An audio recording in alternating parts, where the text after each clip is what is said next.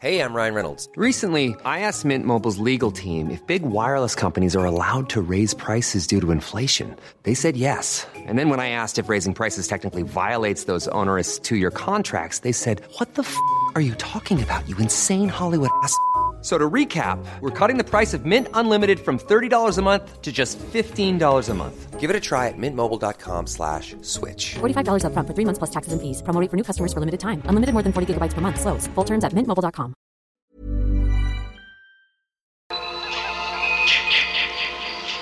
Hello? Who's that? Oh, hi. What are you doing out in this mess? One. Two.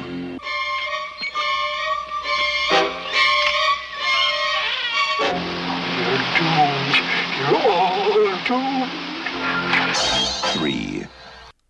Välkommen till Camp Crystal skräckfilmscirkeln. Idag har vi en riktig god bit att arbeta oss igenom. Vi blir jagade av en tant, eller blir vi det? Vi kommer att diskutera den, den ikoniska filmen Friday the 13th och den absolut första utav dem. Med en eh, mordisk Pamela Voorhees och knullande tonåringar. Så dra på dig favoritcampingkläderna om du vågar. Så tänder vi en brasa och sätter oss här på Camp Crystal Lake och sjunger eh, Hang Down Your Head, Tom Dooley och Halleluja. Är det någonting du skulle kunna tänka dig att göra Fredrik? Jag har varit tillräckligt många konfaläger för att bli lite obekväm faktiskt när vi har sett och spelat gitarr och sjungit vid lägerelden. Vi har sett och tänkt att nej, nu jävlar ungdomar håller ner skinnet så inte varken Pamela eller så, Såna-lyckan Jason kommer här klumpandes. alltså, Jag tänker mig ni sitter där och sjunger och Halleluja, halleluja. Så kommer, flyger, flyger någon konfirmandshuvud där liksom. ja det. Ja, men nu börjar vi på en eh, rejäl eh, franchise här som kommer uppta större delen av 2024. Med vissa avbrott. Självklart, vi måste ju få in lite svenska filmer också. Det här är en franchise som är packad med gäster och eh, det är någonting som jag ser verkligen fram emot. Och självklart då, när vi säger gäster.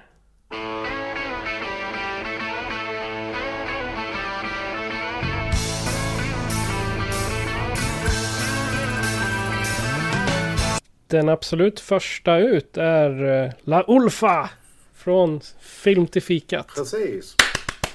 Eh, fick ni... Ja, och nu väckte jag katten också. Åh nej! Eh, ja, förlåt katt. Ja, trevligt att vara här, trevligt att vara här. Eh, som alltid, det är trevligt att vara med er och prata skräckfilm. Har ni några slashermördare där neråt södra Sverige? Några slashermördare vet jag väl inte. Eh, vi har ju haft några seriemördare. Ja, jag tänkte, det har väl Peter Mangs där i Malmö. Ja, Peter som, åh just det, har ni läst den här fantastiska idén om att eh, eh, de, ska, de ska göra en true crime om Peter Mangs och sen så har de eh, gjort reklam för den genom att posta Peter Mangs nuna över halva Malmö. Wow. Det blev sådär populärt. Det känns- Eh, Det känns sådär liksom, ja men lagom, ja, okej. Ta- Ja. Takt och ton, vad är det? Nej. nej, nej, nej, nej. Det är ju precis samma sak som de kapitaliserar på uh, The Slender Stabbing. Ja men vad heter det? Är det inte mycket Skåne? Är Yngsjömorden, är inte det också i Skåneland? Jo, men herregud, det var ju, det var ju 1900 frös ihjäl höll jag på att säga. Eh, nej, men vi har, vi har ju Skånska mord, alltså den här eh, tv-serien med Ernst-Hugo. Eh, med Hurvamannen och. Veberödsmannen. Och, eh, sen växte jag ju upp i samma by som en nutida Oh. eh, liten, jä, liten jäkel. Eh, eh, min namn, höll jag på att säga, namn Ulf Olsson. Han är Helenmannen. Oh, usch och fy. Ja. vi, bodde, vi bodde granne med hans syster. Oj, oj, Så oj. att eh, Ja, det... jag vis, visste väl vem han var. Om vi säger så. Aj, aj, aj. Att komma lite väl nära mänsklig ondska där. Usch och fy. Mm, smått sådär. Ja, men han, eh, han, han var faktiskt, eh, vad heter det, ett, eh, ett teologiskt problem för mig. Ett, ett teologiskt problem. Ja, det var det jag Okej. gick eh, i prästskolan här innan jag eh, eh, vad heter det, avslutade den för att sen ta vid den långt mycket senare. Han, han tog ju livet av sig i häktet där, eller i fängelset var det väl. Eh, och då slog, för då, då gick vi precis igenom eh, begravningar och liksom, ja men hur det går till och allt vad det är. Och något som alltid hör till är ju ett griftetal som man håller för den döde. Och då precis där, då kom det ju nyheterna, han, hade, han var död. Och det stod ju då. Och då slog det ju mig, tänk om nu han ändå så då var medlem i Svenska kyrkan eller något sånt där. Ja, då får han en, alltså en kyrklig begravning. Och då satt jag och lekte med det. Tänk om det hamnar på mitt bord som präst. Hur håller jag ett griftetal över den här människan när jag vet allt hemskt han har gjort? Men måste ett, eh, måste ett griftetal vara, eh, vara positivt eller bara sammanfattande? Nej, jag tänker liksom för samtidigt, man kan ju inte stå där, nu, nu är han död och brinner helst i helvetet. Tack och adjö. Nej, nej, nej, nej, men, eh, nej, men jag tänker liksom, det är som man säger i många amerikanska filmer. De, eh, när de begraver någon som har begått eh, hemskheter så eh, brukar de alltid eh, köra den här bara en He who lives by the sword shall die by the sword och så vidare. Ja, det är det. Nej, eh, Jag var tvungen att fråga en mentor här som jag hade sen hur man skulle göra i en sån situation. Och hon sa till mig ändå så liksom att man får ändå så räkna att en människa är mer än sina handlingar. Det är lite vad man utgår ifrån ändå så då i någon kristen kontext. Och plus där då att kanske egentligen inte fokusera på honom utan att faktiskt fokusera på hans anhöriga som faktiskt finns. Han har en gång i tiden varit ett barn som var älskad och omtyckt. Det fanns faktiskt personer som fanns i hans... ja, du säger... Jag, får lite inside information av Ulf här att han var kanske ganska trälig redan det där då. Ja, men... Det, det, det, det är en sorglig historia men det kan vi ta någon annan gång. Eh, ja, Den, eh, hans historia finns med i eh, eh, bilden av en gärningsman eller vad den heter från eh, Viaplay. ja jak, eh, jakten på, en eh, på en gärningsman tror jag. Den, här, eh, den handlar ju nästan... Ja, ja, jakten på en mördare eller jakten på en gärningsman. De är ju typ samma, Ja. samma sak. Fast eh, den, eh, ska säga, mm, den handlar ju nästan uteslutande om honom. Just den jakten på en mördare. Så den är väldigt bra förutom när de ska försöka prata skånska, vilket de inte kan. Eh, Åh, kära värld. Jaha, vi ska inte... Det, det är skitintressant det här, men vi ska gå Ja, från ett, ett riktigt mord till ett mer fiktivt mord. Av, Till mord som man kan hantera om man säger så då. vi, vi ska ju nu avhandla eh, kanske en av de största skräckfilmsfranchiser i modern tid. Som jag tänkte faktiskt säga här lite störst var den absolut största. Tills som att jag började räkna på dem och insåg att det finns 12 Fredagen-filmer. Officiella Fredagen-filmer. Och det finns också 12 Halloween-filmer numera. Så Fredagen är inte störst utan de, de, Halloween och Men, eh, Fredagen men- står på samma nivå. Men, Ja, men nu, tänk, nu, nu tänker du bara kvantitet. Jag, jag, jag, jag, jag gjorde ju det eh, som ett projekt från herrans massa år sedan.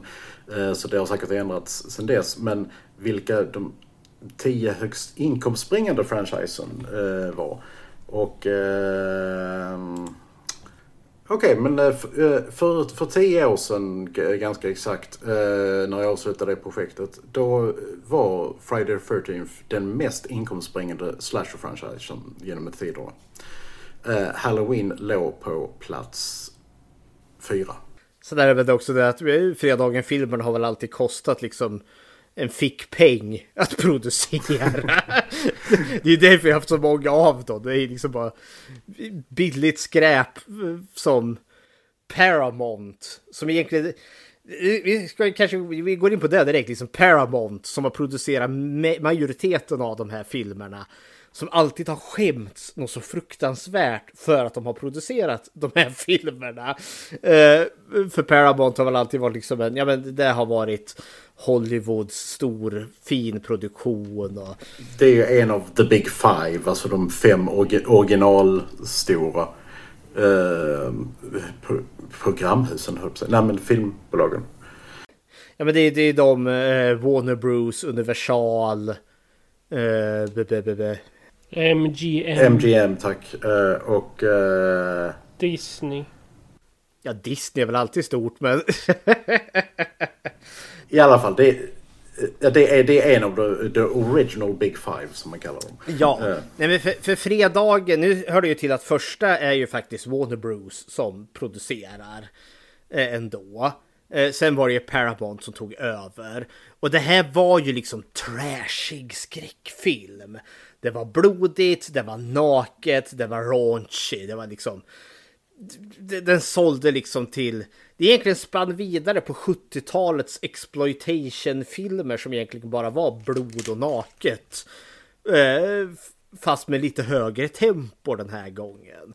Och Paramount känns som att de alltid liksom skämdes lite för de här, men de producerade så jävla bra pengar så att den här kassakon släpper vi inte. nej, nej, det var det, det, free money, verkligen. Free, alltså... Ja, det är mycket egentligen kvalitet som kanske fredagen pengarna har spelat in om inte annat. Och det ska man ju aldrig underskatta. Så här, liksom, skräckfilmsgenren är ju i regel Hollywoods livsblod. Hade det inte varit för terrorn på Elm Street, då hade vi inte fått Peter Jacksons Sagan om ringen-trilogi. Precis. Ja, så hepp. kan tacka oss skräckfilmsnördar att ni har kvalitativa filmer där ute. Vi bekostar Hollywood. vi gör ju det. Men fredagen då.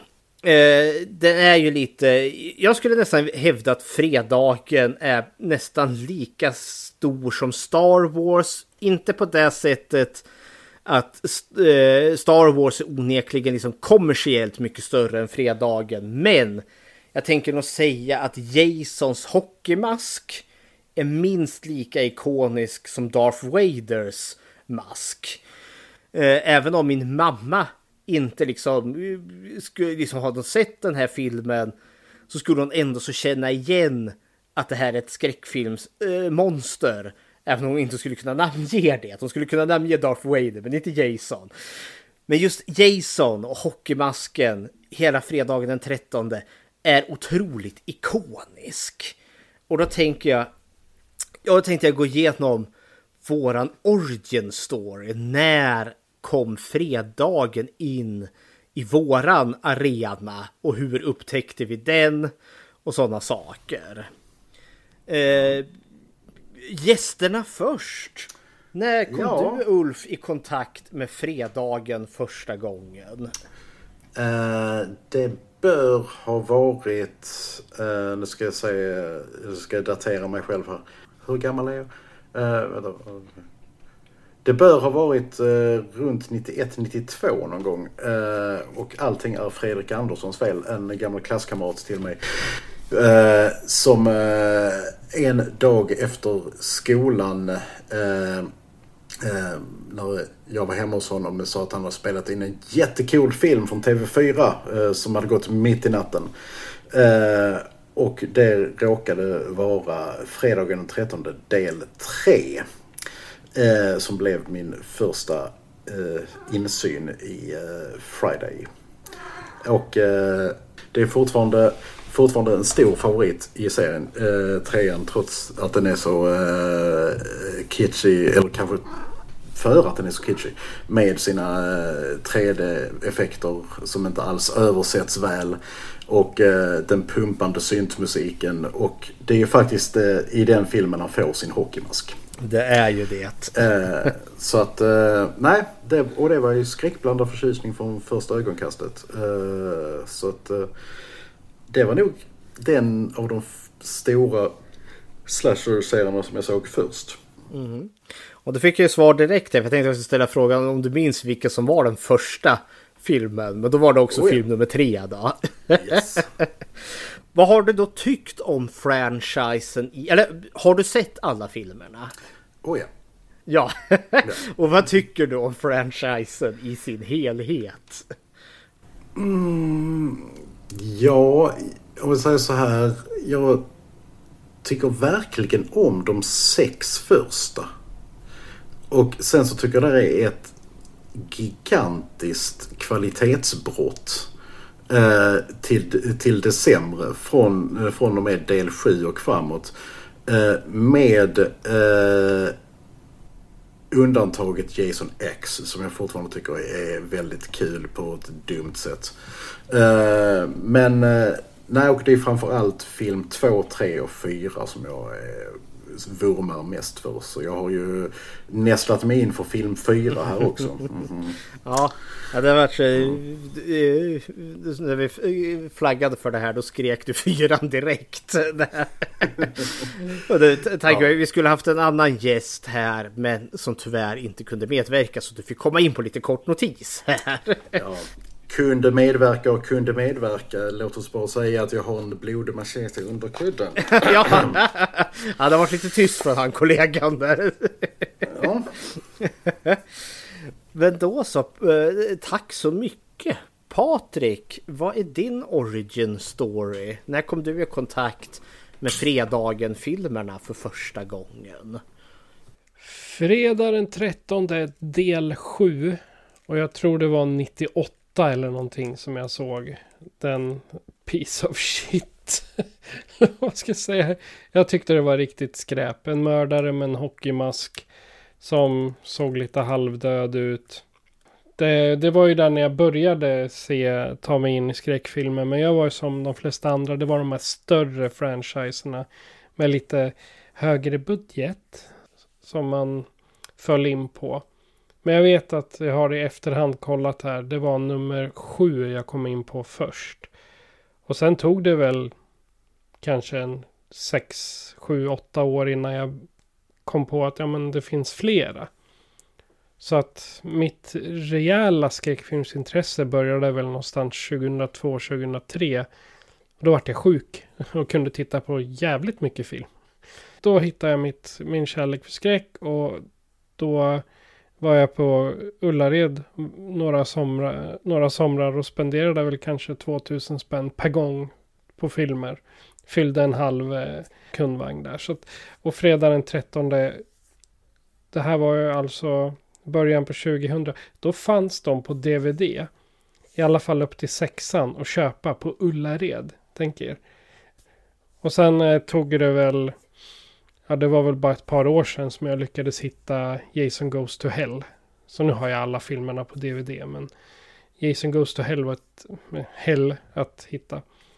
Nej, men det är min origin story. Jag började på en av de sämre och studsade sen in till lite nyare. Har du sett dem alla då? Jajamän, både på, både på DVD, på stream och på Blu-ray. Och vad har du då tyckt om, eller det kanske vi, vi kommer ju ändå avslöja oss lite här framöver. Ulf, du kommer ju inte vara med oss hela sträckan. Så Patrik och jag, det kommer alltså avslöjas i vad vi tycker om franchisen i sin helhet, för vi kommer inte undan. vi ska Nej. se dem allihopa nu. Under 12, va- to- 12 fredag den 13 avsnitt kommer ni få höra vad vi tycker. Och det värsta är att de här 12 är inte ens tillräckligt. Det finns ju också de här fan-made filmerna som typ Never Hike Alone. Men Den har vi redan pratat om. Ja, fast eh, jag tänker säga att efter att vi har gjort de här 12 filmerna då kommer jag nog inte orka mer Jason. Så Never Hike får vänta till framtiden. Det, vi behöver inte vänta till framtiden. Vi gjorde den 2018. Nu ska vi se. Är det dags för min origin story här då? Ja, det tycker jag. Min origin story börjar med, med en klasskamrat då. Kanske inte helt olik dig Ulf. Också en sådan. Heter, heter han Fredrik? Nej, han heter Jakob faktiskt. Bäste Jakob här i högstadiet. Jag törs inte om jag gick i sjuan eller åttan där. Men jag, jag vill säga att jag var typ 14 så kanske sjuan då. Eh, för vi, han hade ja, parabol. jag, hade bara ett, jag hade bara ettan, tvåan, fyran. Men eh, så hade han då några äldre syskon som hade liksom då bandat ner en jäkla massa saker. Och så visade han då en massa filmer. Han visade med hotet från underjorden bland annat för det fanns coola monster med i den och sådana saker. Och så kom han på en film, ja men den här då kanske vi ska se. Och då var det då fredagen den 13 del 5. Den då Jason inte är ah. Jason ens en Den där han inte är med? Nej!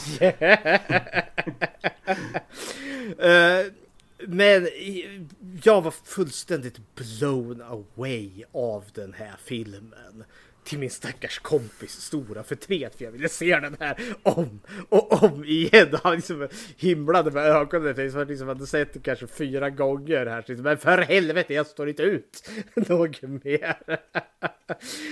jag, jag har varit förälskad i den här märkliga liksom, genren. Alltså, det här var slasher på ett helt annat sätt än vad jag var, liksom, var van vid. Jag tror inte ens jag riktigt hade det här begreppet. Det var så många mord. Det var så mycket naket.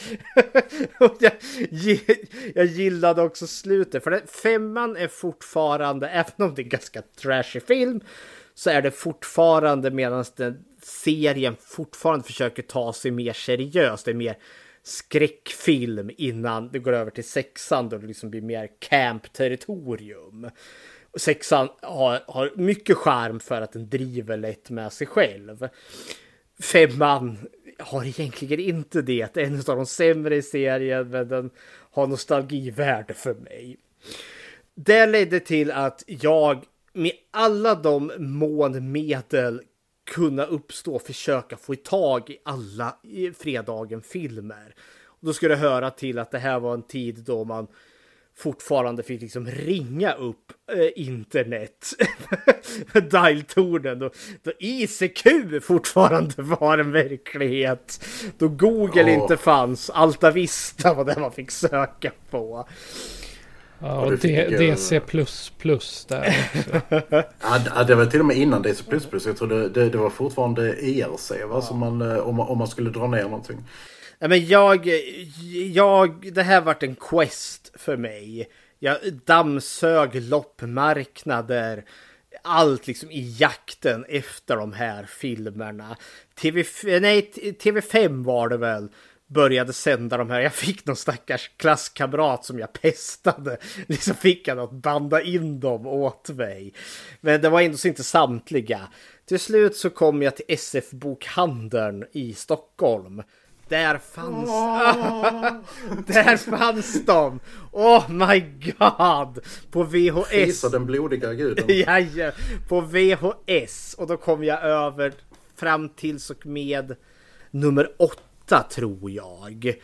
För sen ganska strax därefter kom ju då Jason Goes to Hell på bio sen.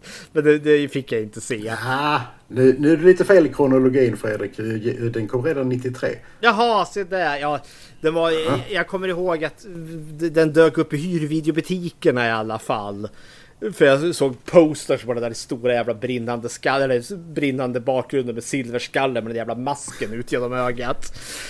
Ja. Men eh, jag, så den fick jag ju då tag i till slut i ett gammalt hyrex om inte annat. Eh, sen långt senare kom ju Jason X och så allt det där. Eh, men eh, jag tillhör också de andra få, för jag, fredagen 2 var, eh, fick jag tag i en svensk VHS-utgåva. Och den svenska censuren var inte nådig. Så jag kan säga att jag har sett en fredagen den 13 film som inte hade ett enda mord i sig. Wow.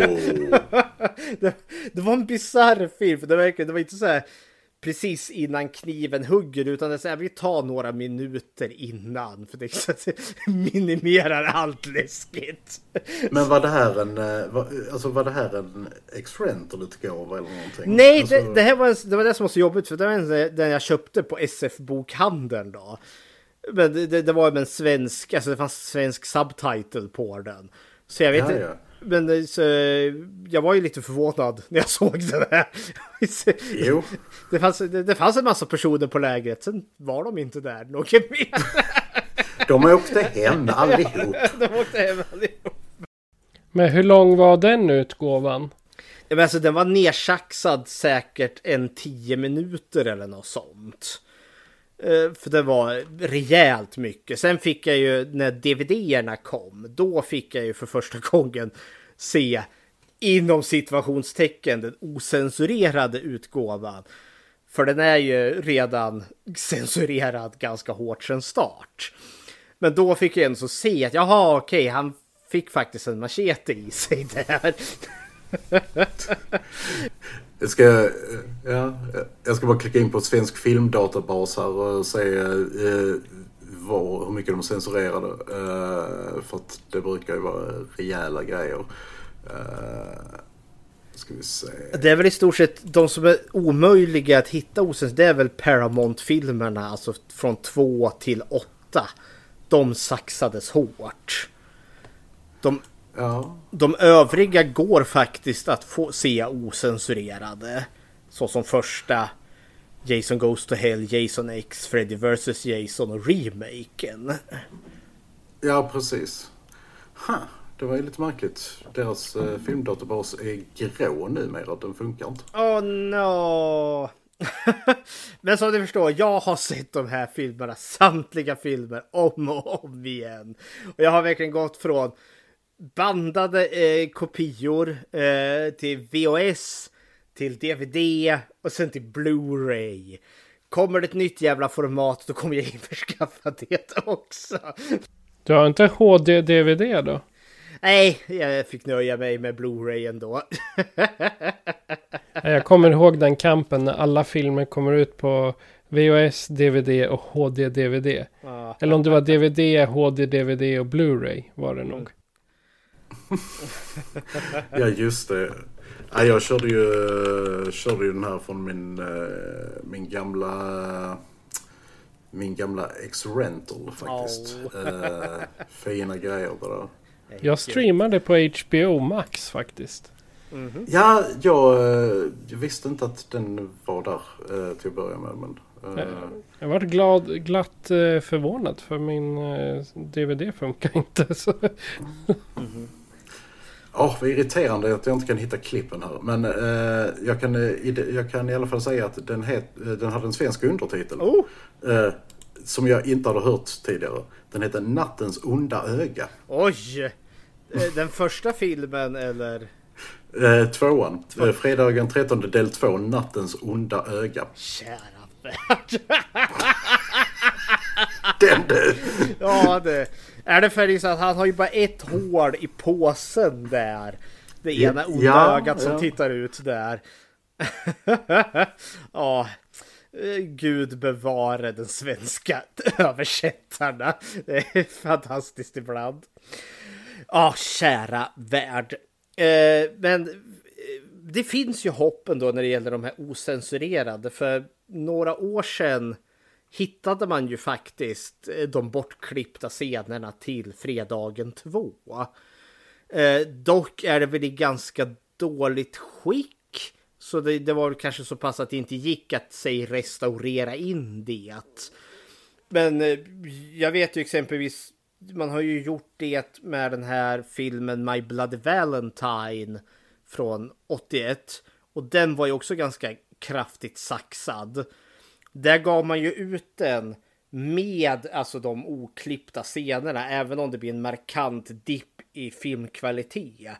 Men så tycker jag det blir en bättre film för jag får se den i sin helhet. Och jag är helt för att säg släppa tvåan igen då med de här inklippta scenerna. För det är ganska mycket som klipps bort. Och det tycker jag är ganska trist egentligen för det är mycket specialeffektsarbete som går förlorat. Det är ett hantverk som... Ja, nej men det är trist när det händer. Ja, där de gjorde ju det med, vad heter den, eh, Twin Peaks Firewalk With Me. Ja. Gjort också. För den, eh, där var ju nästan en timme bortklippt i, i originalversionen. Så de, eh, de släppte ju hela rasket på Blu-ray. Där man, kan välja, där man har som tillval att antingen se det theatrical eller med scenerna tillagda. Ah. Vilket är jäkligt coolt. Och då vill man ju se de här scenerna tillagda så man får helheten. Även om det blir ett mastigt verk, men det vill man ju ha. Det blir över, det är tre och en halv timme långt. I full version. Nej, men jag vet, eh, en som spinnar lite på den här censuren. Eh, en annan slasherfilm som kom lite i kölvattnet utav den här är en film som heter The House That Dripped Blood. Den kommer... Åh, Eller Pranks kallas den också för. För den, den hamnade på The Video Nasty List i slutändan. För där är det en utav scenerna där då mördaren överraskar någon stackars man som håller på att tvätta ansiktet i handfatet. Så kommer han upp med en borr. Och så borrar han den här mannen i bakhuvudet. Liksom så, ja, rakt genom skallen och blodet forsar ju fontäner. Det, det, försvann ju bort. Eh, och då lyssnade jag på kommentatorspåret till han. Då som arbetade så för att få till den här effekten. Det skulle ju se bra ut. Han arbetade liksom med de begränsade medel han fick och fick till det jättebra. Och det var ju inte bara för att han hade lagt passion i det här utan det är också ett sätt för han att visa upp sig vad han faktiskt kan ja, ja. specialeffekter. Det, är hans, det är hans portfolio liksom. Ja! Och sen liksom, nej, det kom inte med. Censuren med. Så liksom, men vadå? Det var ju mitt visitkort. Så liksom, nej, ingen fick se det här. För det liksom, det bara Ja. kapades. För annars skulle inte filmen visas överhuvudtaget. Ja, Ja, Jesus. kära Dan. Men eh, det har vi en liten segway in i våran film. För det här är ju då en specialeffektsmästare som ligger bakom. Tom Savini själv. Mannen som... Tompa. Tompan. Som har då blivit censurerad inte en eller två gånger utan ett x antal gånger. För han har nog skrämt slag på en, en hel del moralpanikscensurerare. Det skulle vara hans Flashback-namn. Tom Censur. Tom censur. Tom Censuri. Ja, det är mest as. Det finns ju ett fantastiskt foto på Tom Savini där han liksom fläker ut sig. Det är bara han i bara mässingen. Han har liksom bara något sånt litet fikonlöv som döljer könet på när man ligger och fläskar ut sig. Så det är en man som liksom har ganska rejält sinne för humor. Alltså han såg ut som, eh, back in the day, han kunde varit brorsa till Frank Zappa. Ja, det hade Alltså- han kunnat varit. Alltså, eh, då, det är nästan som bara, var, var ni släkt på något sätt? Och han är ju med i From Dusk Till Dawn där han har den här kukpistolen. Som, om man, jag vet inte hur han aktiverar den men det fälls ju ut där och blåser. Han gör sånt här litet juck. Han gör ju ett juck. Ja, Ja, och så kommer den upp där. Eller så har han jävla kontroll på sina kulor och bara trycker upp och så trycker av eh, pistolen med kulorna. Ah, man, they don't make movies like that anymore. no. Vi kan väl inleda med en trailer till fredag den 13 från 1980 eller Friday the 13th från 1980. Här kommer trailern.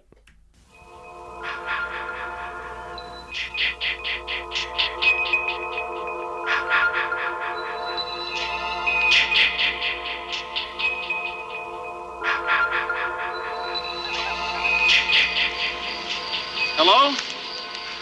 Who's that? Oh, hi. What are you doing out in this mess? One. Two.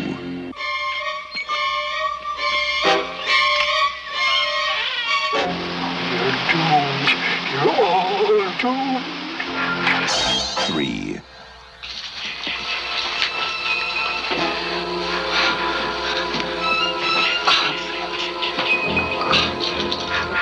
Weren't doing anything. We were just messing up. Four.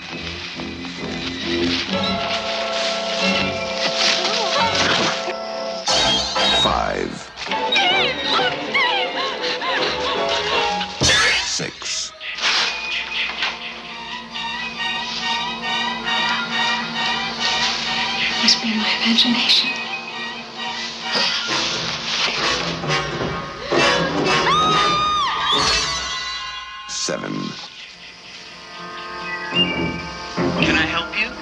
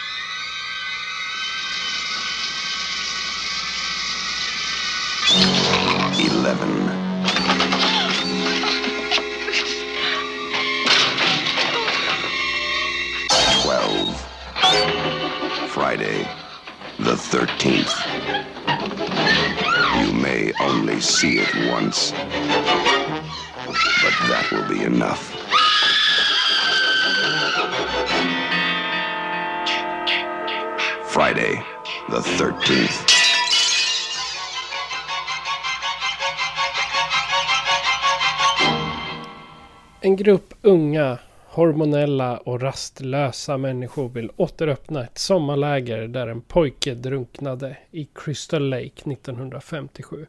Men de står inför allvarliga problem när de plötsligt dödas en efter en. Det är en plott till fredag den 13 från 1980. Regisserad av Sean S. Cunningham och vi ser bland annat Kevin Bacon och Adrian King i den här. Om eh, vi säger gästerna först då. Eh, vi har redan diskuterat mycket men eh, om när vi ska börja analysera. Har du några inledande tankar Ulf? Mm, men några inledande tankar. Uh, ja, alltså jag tror inte det är någon spoiler direkt att uh, det Jason inte är med i den här filmen. Utan det är mamma Voorhees uh, som står för The Body Count. Och ja, det här är nog en av de första eh, skräckfilmerna, eller slashersen, där det är en eh, kvinnlig mördare. Eh, jag försökte komma på några fler alltså tidigare och kunde inte riktigt komma på någon. Alltså den, den som jag kom på som kom samma år tror jag det är väl Sleepaway Camp. Eh, där det är Angela. Och samtidigt så Som- är ju Angela inte könskorrigerad då. Utan hon... Nej, precis. Så att det är liksom... Close enough! Cl- Close enough. Men eh, nej, så att de- den, den har ju definitivt det. Och sen så, den spelar ju väldigt mycket med just eh, Psycho-vibbarna. Alltså med eh, dels eh, Harry Manfredinis fantastiska soundtrack som verkligen låter som, som den kommer från Psycho. Och just dualismen, den eh, the split personality mellan eh, Pamela och Jason Voorhees.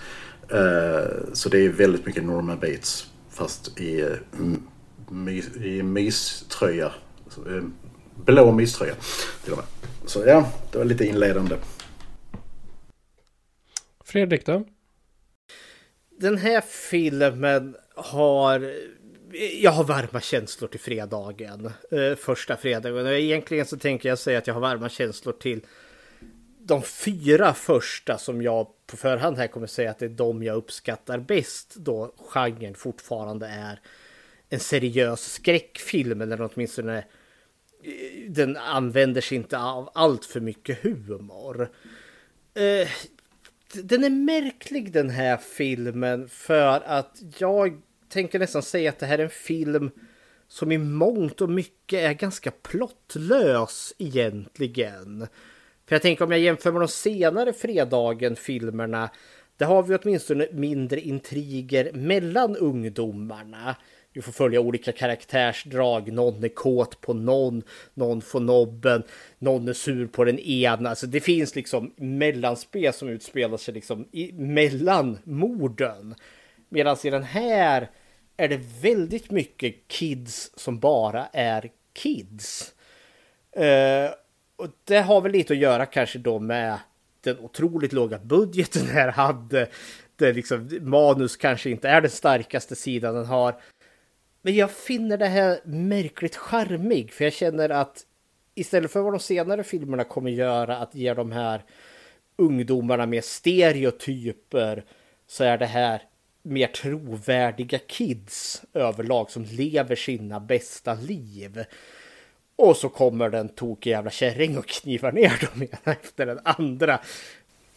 Ja, We've all been there. look what you did to him! Excuse me.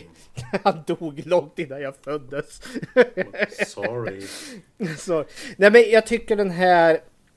Jag har, jag har mycket att säga om den här men det, det, jag det, det, den borde egentligen vara segare. Den, och den har gode gud liksom sega portioner. Vi har en hel, eh, typ en och en halv minut där Alice kokar en kopp kaffe. och jag förstår... Eller är det te? Ja, och jag förstår att det är en del i att liksom bara flash it out och måste få upp det till en och en halv timme. Och det har jag sett många andra filmer också göra. Då vi liksom ha meningslöst bara padding, padding, padding, padding. Men den här filmen stör inte mig personligen så som många andra filmer som bara har en lång scen där liksom bara får se dem liksom. Oh, det bara maler på, maler på. Av någon märklig anledning så gör inte den här filmen mig irriterad på det.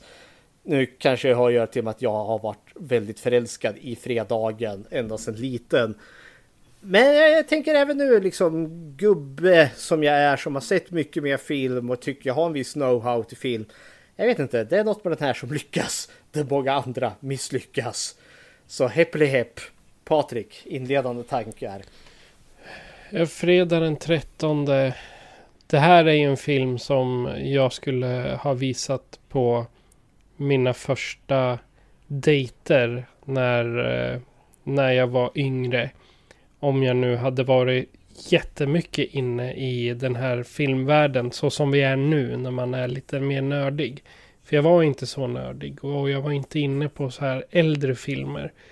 Ta exempelvis 80-talsfilmer. Vi, vi, vi kan ta Dawn of the Dead. Mm. Exempelvis. Originalet tyckte jag var skit. Där oh. jag föredrog den, den remaken. Som var, det, det, var liksom mycket bättre. Det var bättre, bättre bild, bättre musik. ja, ni, ni förstår hur jag tänker. Och här var liksom fredag den 13 1980. Det var så, så taffligt. Det var inte mycket. Var inga, inga effekter. Det var ingen fart i den. För det, den är ju ganska långsam om man jämför med andra hugga hugga mördarfilmer. Så att, men nu, nu är det en sån här film som om någon frågar vad vi ska se på. Då säger jag bara, ah, men fredag den 13 det är bra att börja med. Och sen som, eh, som ni sa, det är väldigt mycket utfyllnad här. Men jag har sett olika klippningar av den här. Dels såg jag på, på YouTube som ni gjorde den här när det inte är några mord. Utan folk bara börjar försvinna så. Och det hade kunnat vara, vara spännande om det var meningen att folk skulle försvinna så här. Sakta men säkert. Och sen har jag då sett en extended. Finns det en som är extended eller en som har allt. Mm. Typ Blu-ray Uncut, precis tack. Det var Uncut. Eh, den den Blu-rayen jag har är Uncut. Och den, den har jag också sett. Så jag, jag, tycker liksom. Den här är från ett dåligt till ett bra. Jag tror det har med åldern för min del att göra. Så ju äldre jag blev desto mer kunde jag säga det var bättre förr. och egentligen när det kommer till morden i den här filmen. Jag tror mer än nä, nästan mer än hälften av morden sker off-screen. Men sen är det några ja. av dem som sker off-screen som är då så herrejösses. Så att liksom ja, man i sitt eget sinne liksom tycker att oh, alla morden var ju jätteklafsiga. Fast majoriteten av dem var inte det. det är väl typ två, två eller tre man ser på skärmen. Och sen ja. några, de som har skett off-screen, då ser man ju bara de döda kropparna. Ja, de, de, ja. de, är ju ganska, det är ju inte direkt som att de bara ligger där med en liten blodfläck på, på bröstfickan. Så det, de, de, de, har ju blivit seriöst massakrerade när vi väl får se dem. Ja, det är liksom eh, vad jag brukar kalla det för eh, eh, lustiga, lustiga huset-sekvensen mm. eller spö, spökhuset-sekvensen. Mm. De springer runt och upptäcker alla kropparna. Ja. Bara, ah, Det är ju det som är... Jag pratade lite med dig Ulf här på Messenger innan om liksom slashens mm. uppkomst. Uh, ja. och Halloween är ju onekligen, alltså 78, det är då the, the granddaddy of the slasher movie så vi får den maskbeklädda mördaren där.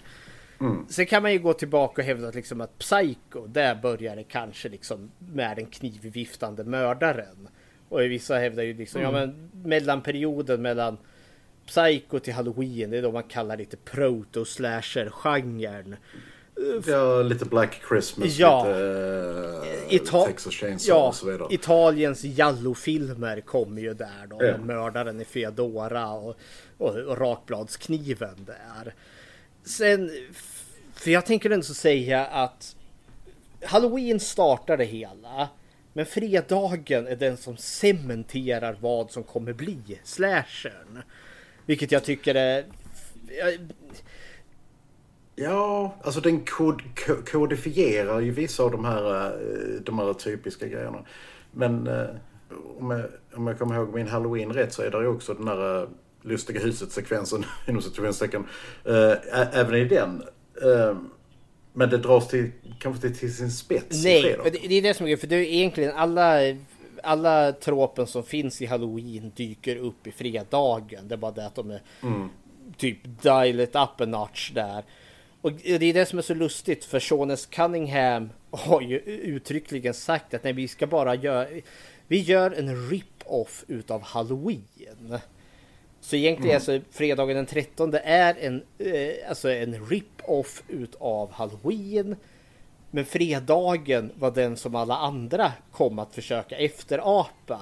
Så alla andra slasherfilmer som kom sen är ju då en efterapning av en efterapning. point, point. ja. och det var ju också det, det som då Seanes Cunningham hade först. Det var ju titeln. Fredagen den 13. Mm. Han sa ju oh, det var ju så de pitchade den här. Den läskigaste skräckfilmen någonsin. Vad är titeln då? Fredagen den 13 då. Producenten ja, mm, ja, det kanske vi kan sälja. Så den här är ju bara ja. såld rakt upp och ner på sin titel till en början. När han fick liksom to go att göra den här filmen, då hade de en titel och det var allt de hade.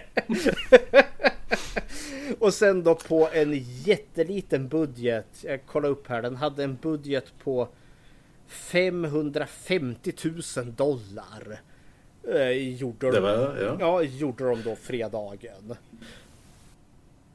Det var ändå, ändå, ändå mer än Halloween. Det är ju det, för Halloween hade väl typ 10 000 dollar.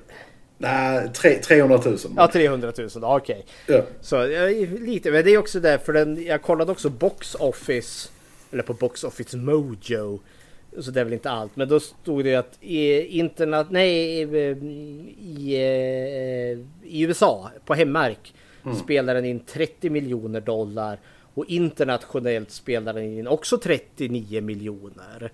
Och då tänker jag att det här är då bara kanske under den, den bioperioden hade till en början. För sen ska man ju, måste man ju räkna in Home Video, DVD, Blu-ray, allt annat när den har gått. Ja precis, men, uh, men Box Office Mojo mäter väl bara just Box Office. Ja, att, uh, när den väl... Och... Så liksom ändå så då på en budget på 550 och liksom det initiala Box Office Run cashade in 78 miljoner dollar. En sån här... En hyfs, hyfsad vinst. en herrejösses succé där. uh, och jag tänker det är kanske en del till varför jag gillar den här. Uh, återigen kanske varför jag gillar slashern överlag. Halloween, om vi återgår till det, John Carpenter och company, alltså de, det är glada amatörer, professionella amatörer med jättetajt budget. De ska göra den här filmen och de måste verkligen an använda sin eh, idérikedom. Och så mm. tar det liksom eh, spjärn. Jag tänker säga exakt samma sak med fredagen. Att här också liksom med jätteliten budget med unga nya skådespelare som vill bevisa sig. Boom!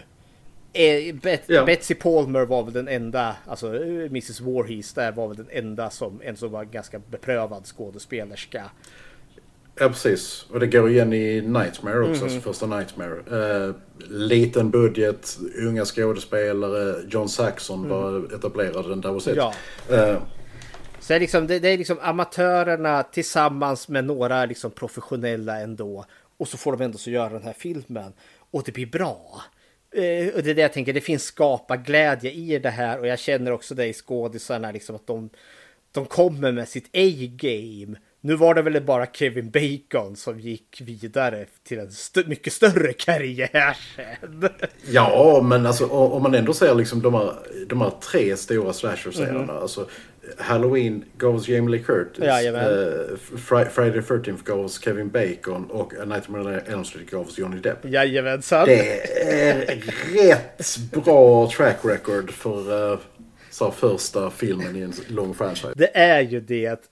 Dock så har ju Kevin Bacon inte pratat särskilt mycket om fredagen. Eh, Och först på senare tid, jag såg någon liten så här med Vanity Fair som han liksom en som ställde upp på någon YouTube och han pratade lite om olika filmer. Och det var typ första gången han faktiskt nämnde fredagen. Och ja, det var ganska positivt ändå. Så var han väldigt snabb att gå ifrån fredagen ändå. Alltså han hade ju, han hade ju en väldigt eh, alltså, dryg upplevelse där för att alltså, det är precis som, i, eh, som de gjorde långt senare i Blair Witch. Så skulle de här skådespelarna hålla sig borta från eh, andra filmer under tiden som, eh, som man skulle sälja in det som att bara, oh, kan det här ha hänt på riktigt? Eh, och eh, eh, problemet för, för just Kevin Bacon var att det var ingen riktigt som trodde på den här, eh, hans dödsscen. Eh, att eh, bara, nej men du, eh, du och Tom Savini måste komma till rätten och bevisa att, att, att eh, han lever. Det var så pass ändå. Ja, så att det var, det var fruktansvärt drygt för alla inblandade och Tom Savini blev skitförbannad för att var, nej, men jag vill inte visa mina trick. Nej. Jag vill inte att hela världen ska veta att så här gjorde jag. Eh, Så, Det, ja, det. Ändå så liksom att det ändå så där fanns. Det här är lite mind-boggling ändå. Liksom att vi har en sån, egentligen en sån stor film. Som där så går ut på bio. Tror man verkligen att man skulle mörda folk och sälja det Ja. liksom som underhållning sen? ja men det är liksom, det, det är verkligen en det är en, på något sätt en annan verklighet, alltså med godtrogenhet. I liksom att bara, men jag lovar det på riktigt. Det, det kanske är lite i kölvattnet utav alltså 70-talets exploitation-filmer. Som hade Ja. lite, vi hade ju det här begreppet snufffilm.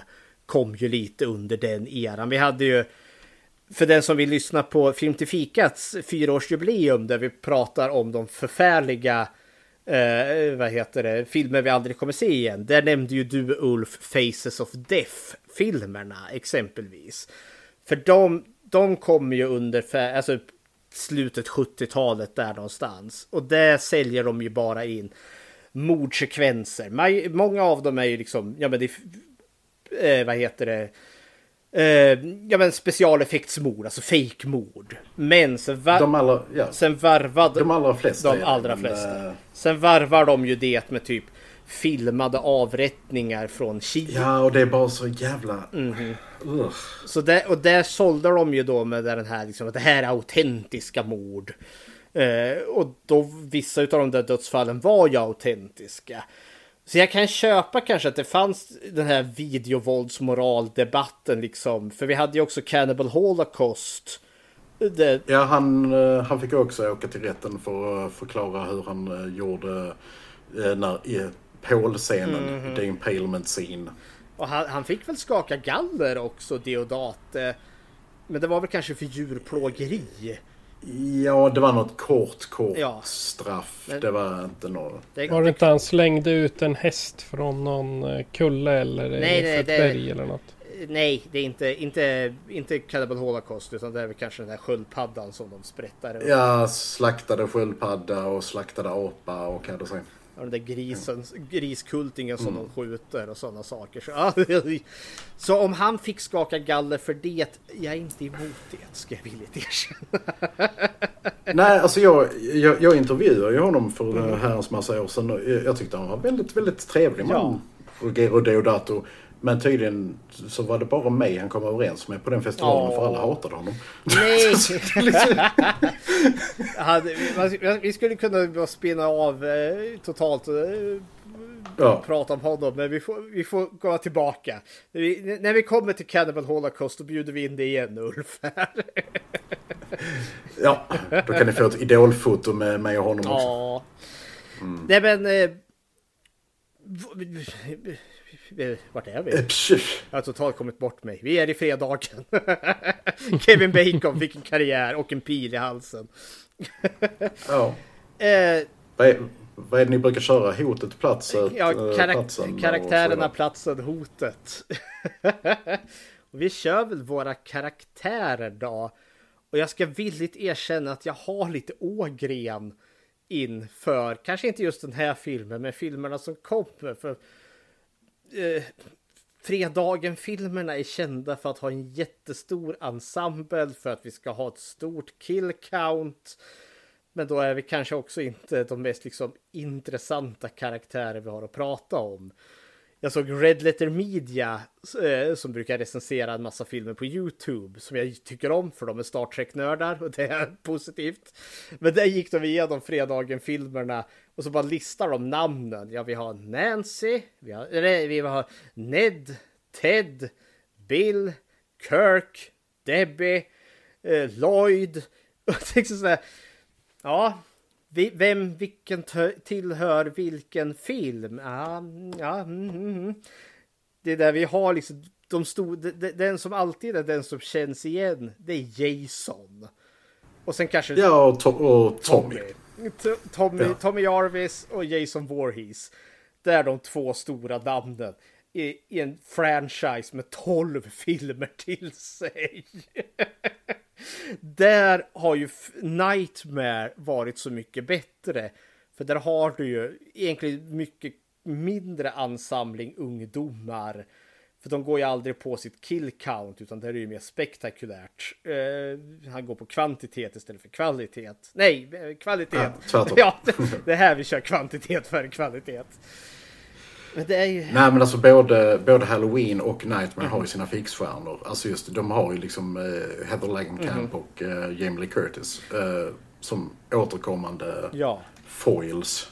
Men det har vi inte Så. med Fredag. Eller ja, Tommy är ju det då. Fast det, det blir lite sådär i och med att de byter skådespelare de två gånger. De gör ju det. Så det är bara nja. Ja, och, han, och Tommy introduceras liksom för första gången i film nummer fyra. Halloween har sin Laurie Strode. Eh, Nightmare har sin Nancy Thompson.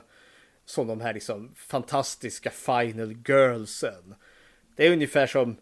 För varje fredagen-film har ju en Final Girl. Men de tenderar inte att sticka ut. Fy, fyran är ju min klara favorit. Men jag sitter här nu och tänker, vad heter The Final Girl i den? Det finns ingen Final Girl, det finns en Final Boy. Ja, det är och Girl, vi har två. ja, just det. Ja. Men, ja, men, men i, i fyran är det inte hon som är viktig, utan det är ju Tommy som ja. räddar dagen. Förvisso, men det finns ju ändå så en. Och jag tänker liksom, jag, jag kommer inte ihåg vad hon heter. Jag, jag minns inte ens om hon är blond eller brunhårig.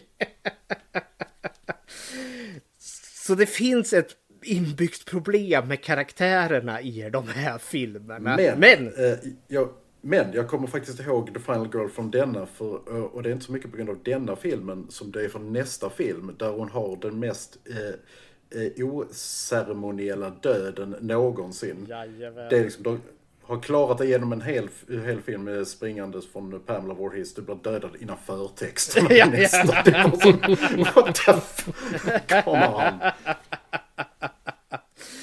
Men vi har ju våra, vi, har, vi, vi kör väl våran final girl här då. För jag tänker hon Alice från första filmen. Eller Adrian King heter hon väl. Som egentligen är lite av en... Eh, jag tänker säga att hon är lite av en... Eh, inte Marion Crane utan den andra som kommer i Psycho ja, uh, syster. Marion Cranes syster. Ja. Ja, precis. Marion Cranes syster. det, är Mar det är Marion Crane man kommer ihåg. Ja. för, för vi får ju nästan en liten fake-out i den här filmen. Att det introduceras ju en annan tjej, Annie, först. Som är så mycket mer intressant. Ja, men hon offas ja. plötsligt ganska tidigt i filmen. Jaha, oj, okej. Okay. Och så är det ju då Alice istället. Våran average girl här. Ja, vad tycks om Alice? Alice, Alice, who the fuck is Alice? ja, det är en väldigt bra fråga. Ja. För att vem, vem är hon? Det, det framgår egentligen inte. Hon är bara där. Hon är ju det. För... Hon är duktig på, duktig på att teckna. Mm. Hon har haft ihop det med lägerledaren-ish. Är Steve där. Förstår vi. Ja, med Äckelstiv. Äckelstiv. Uh... Som gav oss starka BTK-varningar. Aha. Nej, men, hon, Men utöver, utöver det, har hon några karaktärsdrag? Nej. nej. Hon är jävligt mellanmjölk av de här tre stora slasher-franchiserna. Halloween, Nightmare och eh, Friday. Så är det här en jäkligt anonym Final Girl. Jag menar, då är till och med alltså, Laurie Strode är ju en jäkligt musig karaktär. Hon är ju liksom ja men bokmalen, hon är väldigt tuntig och hon är liksom the goody two shoe. Men hon, hon kan ändå bita ifrån. Ja. Så hon har... Alltså även när hon inte jagar seriemördare. Ja. så, Men plus också om man tar Laurie Strode exemplet där, där har vi också en sån det finns en koppling med mördaren. Hon är den första att börja se Michael Myers som står och lurar i buskarna.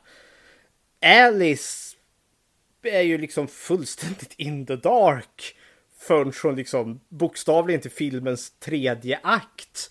Då hon liksom börjar snubbla över liken där. Då, innan dess har det liksom inte funnits liksom någon misstanke. Är det något som händer? Liksom börjar ana mördarens närvaro. Utan hon har egentligen bara tomtat runt i bakgrunden. ja. Haft ihop det med Steve. Nu är de kanske lite på glid. ja. Men det är Steve också så Ja. jag förstår varför. Det enda jag ger... Nu när jag sett om den här. Hon är lite handfast om inte annat. Hon är ju den som håller på att spikar upp stug... Eller vad heter stuprören. Hon är ute och, mål, Ja. hon är ute och målar. Eh, hon verkar ändå så liksom, liksom ta i när det så behövs. But now, now you're reaching. Nå- Ja, I am reaching. I'm re- I övrigt har hon ingenting. Hon sjunger inga sånger. Hon har liksom inget karaktärsdrag. Det mesta vi får liksom följa är när hon kokar kaffe i en och en halv minut sen. Men det var gott Ja, kaffe. det var gott kaffe. Ja, och, ja, Alice. Ja.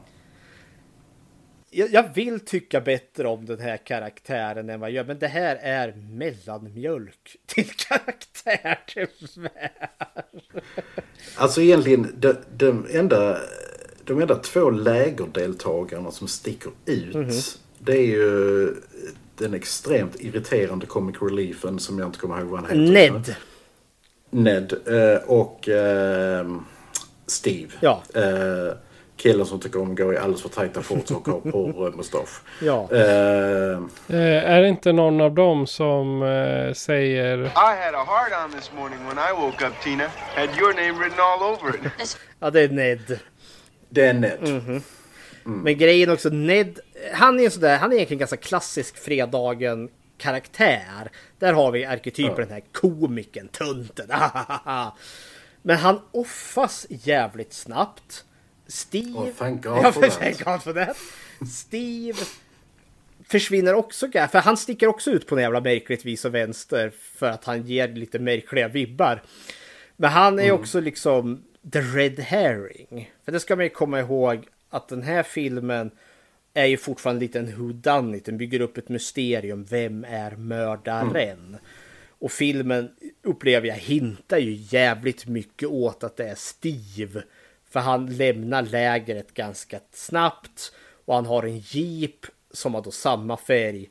eh, Den samma typ av jeep som vi får se mördaren ha sen. Så filmen hintar ju jävligt mycket. Där är han, det är han som är mördaren. Alltså om du hade ställt upp alla karaktärerna liksom så här i en line-up och, och sagt en av dem är mördare, vem är det? Så skulle jag sagt Steve. Ja, det är bara för att det är en jävla Eh, mustasch. Ja. Han har så här våld, våld, våldtäktsmustasch tror jag vi skulle ha kallat den på gymnasiet. Ja, och han har, Ja, precis. och han har ju också de här, alltså det är som har blivit så här seriemördarglasögonen. De här stora liksom flaskbottnade glasögonen. Ja, med, med pilotbågar. Tack vare Jeffrey Dahmer där. Ja, Ja. ja. för det är jag, jag ser liksom honom stryka omkring i en skåpbil i något liksom förortsområde. Ståkandes sina offer. Kom nu barn ska ni få lite godis av farbror Dahmer. Men han är ju då, om vi är inne på Steve här då, Steve Kirsty. här känns jag... Här finns det ju någonting ändå. För vi vet ju att familjen Kirsty är de som antagligen ägde de originallägret? Eller försökte de... Eller vad... Ja, det är frågan om, det var, de ägde det, om de ägde det först eller om det var de som försökte starta upp det igen. Ja, för vi vet... Ehm. För vi får ju lite lore här ändå. Det är bland de få filmerna vi får lore i, i den här serien. Jag kollade för Camp Crystal Lake, om vi går på skylten som finns så vet vi att det lägret öppnades då 35. Och så fortsatte väl det utan problem fram tills då 57 då Jason drunknar. Eh, Året därefter sker ju dubbelmordet 58 där och där tar lägret slut. Efter, och vilket jag kan förstå efter den skandalen. Och i och med att de inte tar mördaren. Men då 62 får vi ju reda på, då försöker ju The Kirstys starta lägret igen. Just det, just det. Ja, så då tänkte jag liksom antingen är det som så att de tar över lägret. Men det blir också en, eh, vi får också reda på att de blir ju nästan till ekonomiskt ruinerade för det uppstår bränder. Eh, Ja, först, först bränder och sen så nästa gång de försöker så blir vattnet förgiftat. Ja, så, Ja. eh, och det förstår vi i efterhand att det är ju Pamela som har varit där och förstört. Där Jag led- tänkte annars att Gud skickar alla sina, vad, vad heter de, alla synder på dem. Det var all the plagues. liksom bara. Vattnet blir till blod och... eh, Egyptens tio plågor på Camp Crystal Lake där. ja, nej men eh, senare här har ju det här gått och liksom blivit utökat universum. Alltså fredagen den 13 låret har ju blivit mycket större och jag vet att det gjordes en serietidning sen. Som då går tillbaka då att Camp Crystal Lake, eller området där, är en, liksom en genuint ond plats. Och det, och, det fanns då ett, eh, ett reservat för amerikanska urinvånare som då vart attackerade utav... eh, Alltså det är, all, det är alltid de här native americans. Ja. Alltså det, är, det är liksom deras burial grounds. Leave them the fuck alone. Ja, det är Eh. om, vi- om vi- det utökade låret där så är det då för att de blir då ansatta utav pälsjägare som massakrerar dem. Och på grund av den här skymfen så väcks då en ond ande som då tar en utav eh, de här döendes männen i besittning och så blir han då en nästan till ostoppbar slashermördare som ger efter dem. Och då är det då tanken då att när Jason drunknar i sjön, för han blir ju då utsatt för mobbning, får vi ju reda på senare. I den här filmen är det ju bara att de inte är uppmärksamma eh, och så drunknar han. Men senare i låren så blir det ju det att Jason var ju mobbad. Så när han drunknar då, då tar den här anden honom i besittning. För då samma oförrätt som händer urinvånarna eh, ja, drabbar nu Jason. Och därför kommer han tillbaka. Men Jason... Och det är samma, samma idé som eh, med, med Freddy Mm. i slutändan. Alltså the, the Dream Demon. Ja. Men vi är inte riktigt där ännu. Men då skulle det också då vara alltså Pamela här då är egentligen en i det långa ledet ut av ondska som finns här. Men med kanske en lite trivsammare twisten att det alltid är en oskyldig som är drabbad först. Om vi nu jämför med Freddy. För där hade han ändå så liksom nu kan man inte säga att det är okej att lyncha någon, men han hade ansträngt sig lite för att bli lynchad om inte annat. ja. Medans Pamela, som egentligen då är en ganska hygglig kvinna kan jag väl tolka till som med att sonen drunknar. Då, eh, då, då spiller det över. Jason ska också ha varit utsatt och då spiller det också över. Men, eh, ja, Kill them mommy. kill them! Don't let her get away mommy. Annars, annars resten av karaktärerna vi har här. Kanonmat. Ja, Ja. Vi har ju, vi har ju Ralph the Town Drunk. Han är... Han, han, han, honom kommer man ihåg fall. ja, Crazy Ralph. This, pl- Crazy Ralph. this place got a death curse. You're doomed! Doomed I tell you! Och han blir ju också lite av en trop sen. För det här har Ja. inte, det här har i alla fall inte, eller ja, You're doomed to stay. ja. Kan man säga att han är fredagen den 13 variation av Dr. Loomis från Halloween?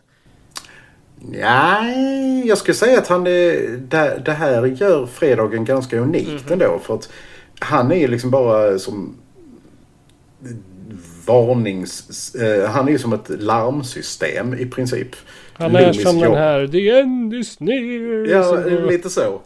För sen, för sen kommer det här, han- han dyker ju upp i film nummer två igen. Ja. Sen i film nummer tre är ju inte han, men då finns det en annan karaktär som liksom fyller hans roll.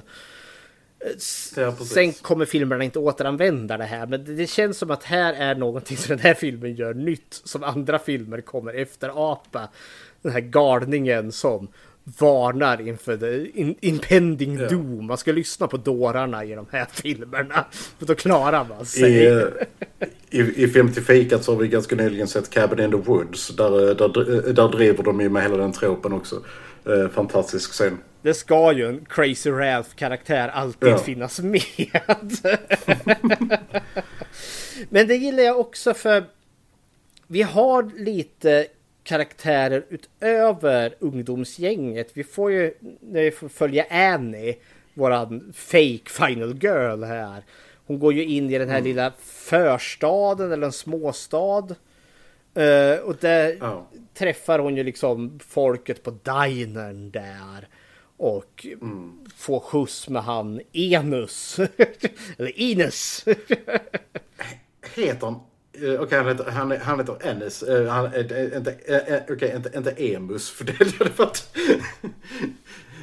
Men lastbilschauffören som ändå ger henne en liten skjuts där på vägen. Och är väldigt handsy när hon ska hoppa upp i förarhytten. Det är bara så. Ja, det är verkligen... Så han klämmer åt och bara... Oj, det dallrar lite. Jag måste nog hålla i Ja. ordentligt.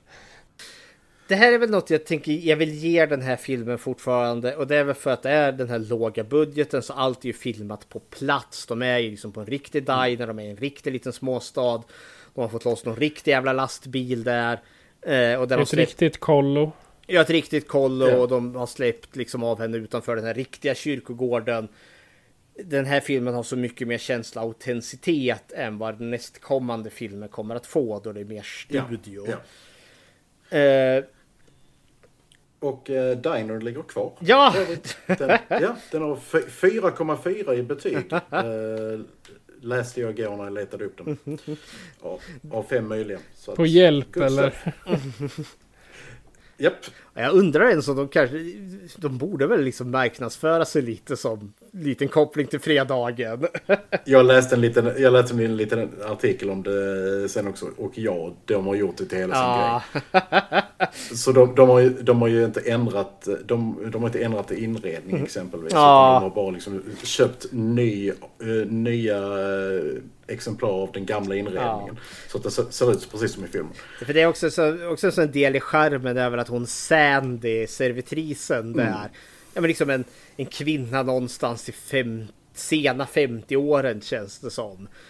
Ja. Hon, skulle ändå, hon var ingen skådespelerska utan hon, hon arbetade bokstavligen på dinern. Och tyckte det kunde vara kul Ja. att vara med i en film och det gör hon lite charmigt ändå. Som, som är lite flörtig Ja. mot Steve, vilket han inte förtjänar. Nej, usch. Nej, men likaså att vi har också poliserna här sen, sheriffen och sånt som vi får möta. Den här filmen är ändå så den bland de få som vi får se lite mer av samhället runt omkring Camp Ja, Crystal. ja, ja. Resten inte i samma utsträckning. Men det jag vill ge den... Ja, Förutom fyran kanske. Förutom fyran Ja. kanske. Jag tänker liksom med, med, sjukhuset Ja. och med allt sånt där. Så det, ja. Vi kommer ju återkomma till det, för den gillar jag, för det får vi ju verkligen se efter matchen utav filmen innan. Ja. Nej men det jag vill ge den här filmen också är att vi, vi har vi har den här un, ensemblen ungdomar. Eh, det, det, det är ganska naturliga kids. Vi har, inte, vi har liksom tjejerna har inte jättetuttar. Det är en tjej som faktiskt är mest sexuellt aktiv där hon är ganska plattbröstad ändå. Som Kevin Bacon. Alltså överhuvudtag, överhuvudtaget så det, det var en grej som jag bara så. Har de medvetet valt de mest med plast, pla, eh, plast platt, eh, plattbröstade Mhm. tjejerna? För att det är verkligen väldigt tomboyish. Mhm. Rakt. Ja, för jag tänker senare filmer kommer ju verkligen köra mer på liksom, alltså megameloner. Alltså nästan det känns som att det är Playboy Bunnies som de får in där då. De har valt dem inte på grund av skådespelartalang utan andra attribut. Som vi De, deluxe. Mhm. Och Ja, men- det är storlek på ballongerna eller vad man ska säga. Men det är också för just poliserna är lite, det är lite medelålders män. Vi har Sandy där med, med sitt gäddhäng och sin dubbelhaka. Det är väldigt mänskliga karaktärer överlag. Ja, det, det är riktiga människor. liksom. Ja. Och till och med Pamela Voorhees, våran mördare, också liksom en, ja, men, en ganska manhaftig kvinna i sena 50-årsåldern. Som en som kan köpa, kan bitch släpa runt en 20-årig tjej ganska hårt om hon vill det. Och hennes blå myskofta och hennes, eh, och hennes så, eh, arbetshandskar Mhm. som ser ut som, det, som eh, ens egen mamma skulle kunna ha dem i trädgården. Jajamensan. Även om vi inte har såna, alltså kanske liksom direkt karaktärer i den här filmen så är det en ganska, enligt mig, trivsam ensemble. Och, och det jag vill ge den här filmen, när jag har sett om den här på lite äldre dagar, är att jag vill också... Den här filmen är förvånansvärt sexpositiv. Eh, enligt mitt tycke. För det sexuella paret är ju då, det är Kevin Bacons karaktär Jack och sen hans tjej då Maurice. Det, det är de som vi får se då ha sex i den här filmen. För det är paret. Men i övriga filmer så brukar liksom, då är antingen tjejen någon riktigt, riktigt slampa där liksom, oh, liksom jag ska ha sex, eller killen, eller som använder sin kropp för, för egna fördelar, så det finns något negativt förknippat med hennes liksom sexlustan. Eh, Ja, det finns liksom synden på Ja. ett annat sätt. Alltså just det, alltså den sexuella synden. Ja, och killen där brukar då oftast också bara, nej, men han, han ska stoppa pitten i hålet för han liksom, det är en självisk älskare så att säga. Ja, för- att jag är en man. Ja. Eh, Ja, han är... ah, ja, I am the alpha. Men, men i den här filmen, vi har ju en sexscen här ändå mellan de två. Mm. Och jag, jag tänker säga liksom att den är ganska smakfullt gjord. Vi har väldigt lite naket överlag i den här filmen. Ja. Eh, och- Överhuvudtaget så är den, den, även den är realistisk. Ja. Alltså det, det är liksom inte, okej, den här vinkeln för kameran Mm. tack. Utan det är liksom, Nej men, okej. ja, men för jag tycker på för det, det, det, jag får verkligen se ett par där både han och hon, alltså de, de itkar passionerad älskskog men inte den här porreska liksom filmjuckstönet utan det är verkligen ett ungt par som har sex för att de är förälskade med varandra och de har liksom varit sexuellt aktiva i som gud vet var hur länge. Det byggs inte upp det här att och nu är det liksom den stora oskulden tas utan det här är nej, ett precis. Det här är någonting som de har gjort förr. Ja, Eh, och de är liksom bekväma med det. Det är fint. Det, är liksom, det finns omtycke. Det är liksom egentligen liksom Samtycke. samtycke och ja men vad heter det, vet, ömsint älskande egentligen. Och det är inte filmat så liksom vi får se Kevin Bacons skinkor. Det är inte filmat så vi får se liksom han grabbar hennes tuttar. Utan det är ett väldigt vanilj men liksom realistiskt. Och jag tycker det är positivt.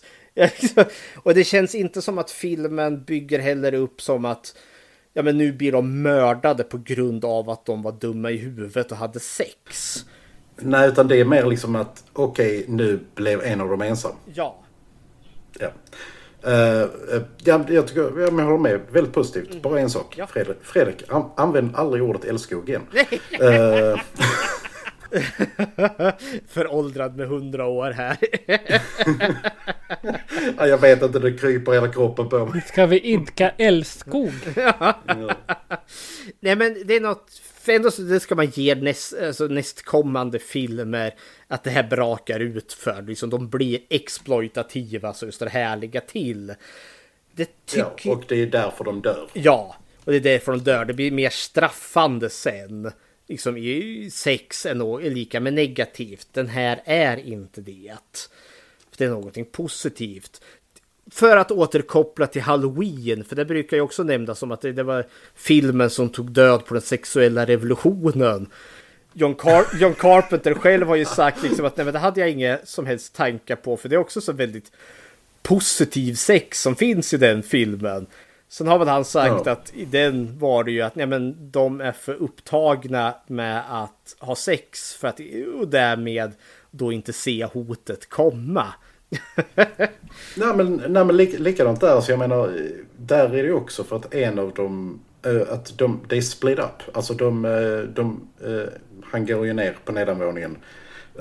och, och därför så dör han. Det har inte med alltså själva akten att göra. Nej, egentligen. Och i dem, om man skulle göra med halloween och första fredagen. Hade de bara hängt ihop, då hade mördaren hållit sig på avstånd.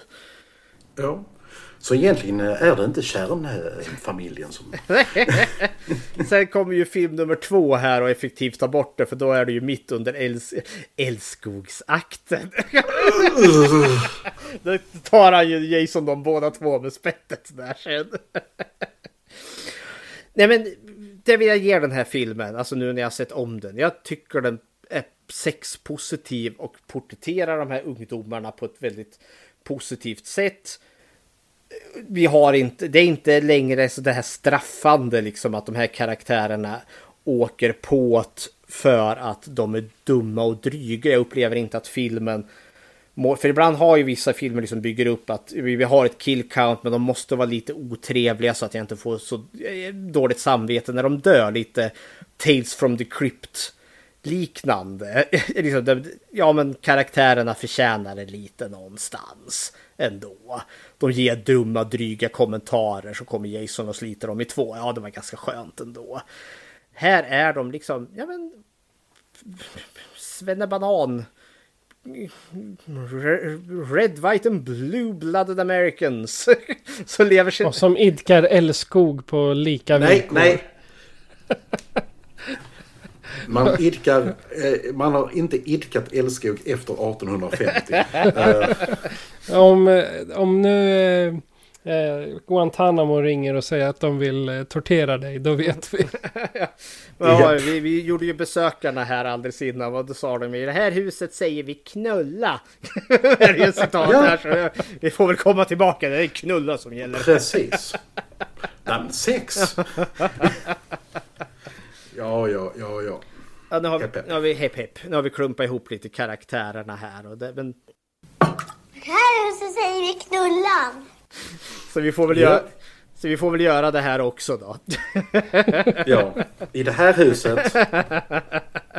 På det här lägret. ja, exakt. Du säger det. Då går vi till platsen då. Camp Crystal Lake här. Patrik, nu har jag och Ulf hållit låda, eller jag har hållit en jävla massa låda för jag, kan, jag har aldrig vett att hålla käft. Patrik, säg någonting om platsen. Tyst med det prästskväll. Uh, Camp Crystal Lake är ju, heter ju egentligen Camp Nobi Bobo Sko och ligger i New Jersey. De använder det for, faktiskt fortfarande idag. Vilket var rätt så intressant när jag lä läste om det. Det är som ett vanligt jävla kollo. Vi har ju ett här, Sågarsvedet i närheten av Eskilstuna. Det var ett sommarkollo. Dit åkte vi alltid med dagis. Och fråga mig inte hur jag kommer ihåg det, men jag kommer bara ihåg namnet. I USA så heter det väl camp hela tiden. Du åker på bandcamp, du åker på... Eh, vad ska man åka med på? Ballcamp. Och sen bara camp. Jag vet inte riktigt hur hur bestämmer man vem som får åka på camp i USA? Det är den frågan jag vill ställa mig när det gäller själva platsen. För där det är bara en samling byggnader och som alla andra camps. Men jag frågar er, hur bestämmer man vem som åker på camp? Alltså rent gissningsvis skulle jag väl säga att de, de som anmäler sig först och betalar avgiften. Alltså, ja. Nej men det är, det är väl så det är i Sverige. Jag har inte barn själv. Men alltså just att är det plats och du anmäler ditt barn, betalar en avgift. There you go. Ja. Och så, ja, så länge, jag tänker de fyller upp alla sängarna. Sen är det, kommer du efter det så tough luck. Läger överlag, alltså sommarkollo. Är det, jag har aldrig varit på ett sommarkollo. Inte så, så som den här filmen bygger upp den då, alltså med, med barn. Som ja, men ska spendera en vecka eller två eller är det längre än så? Jag tror en månad. Ja, kanske det. Ja, för jag, jag förstår. Jag tänker när jag har sett mycket annan amerikansk, men jag tänker jag har sett Simpsons när Bart och Lisa hamnar på något läger och så är det ju ett helvete där borta. Camp Krusty. Ja, Camp Krusty. ja, men det känns ändå som att det är liksom en avsevärd tid ungarna är borta. De har liksom ändå så lämnas över till andra vuxnas eh, sällskap. Och det är liksom... Mm. Man gör aktiviteter och allt. Alltså det, de har lekar och man paddlar kanot, hajkar i skogen och allt vad man nu gör.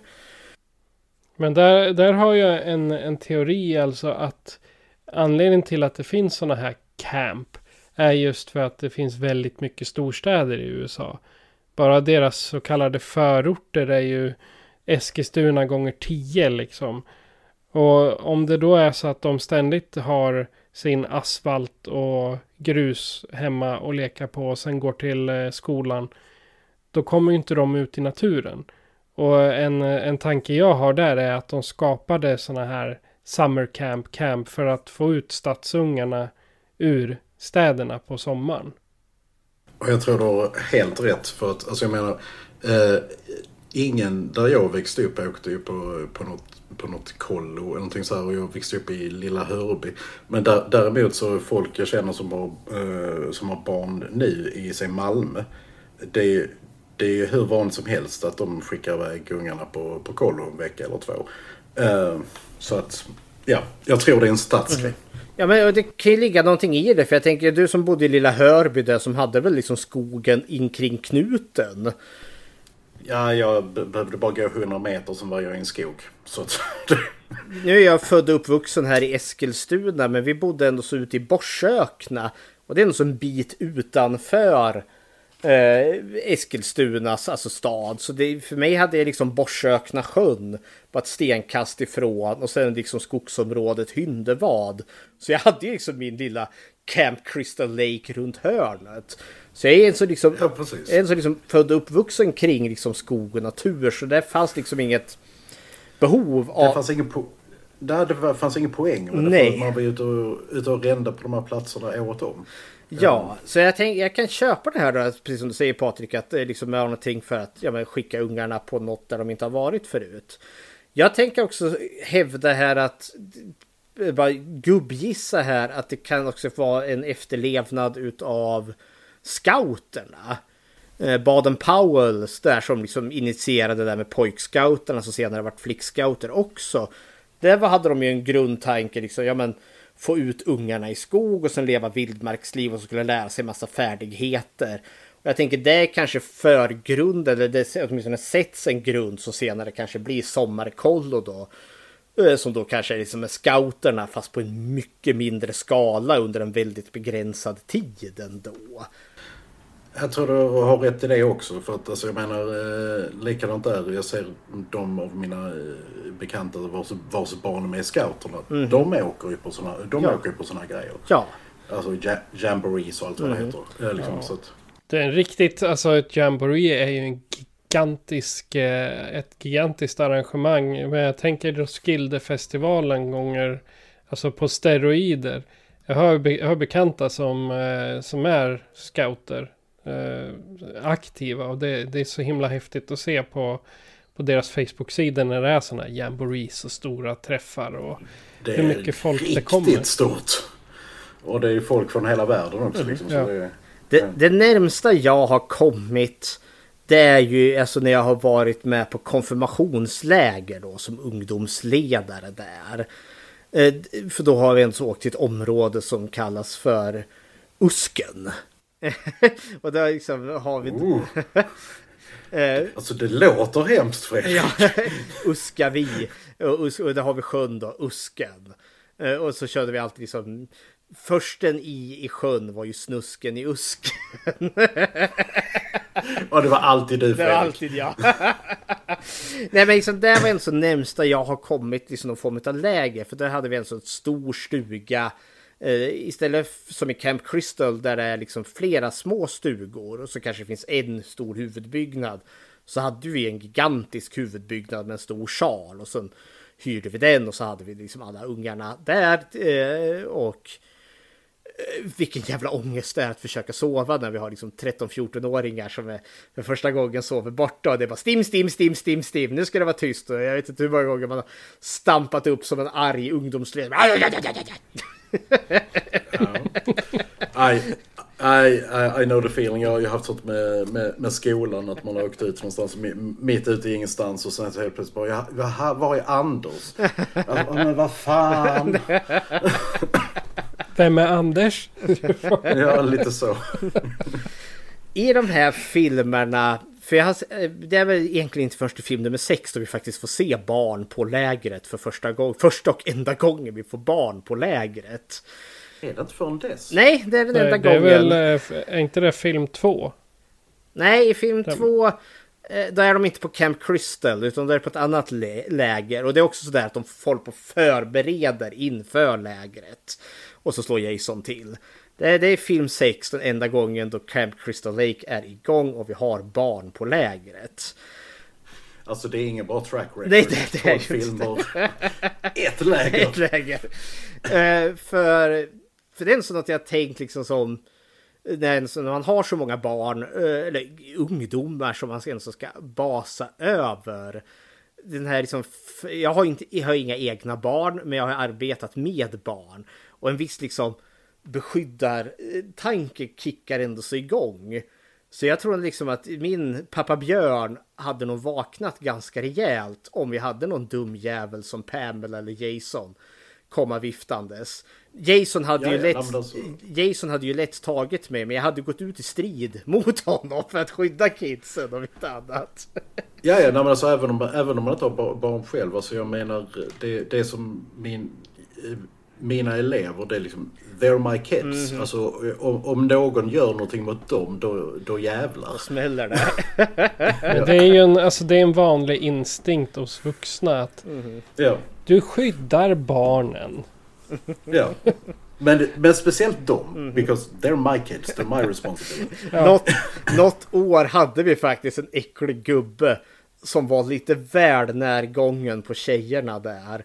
Och för då vart det sådär liksom nästan alla vi i personal var liksom i uppslupen grupp där varje gång vi var nere och badade där då fick vi se vart är gubbjäveln?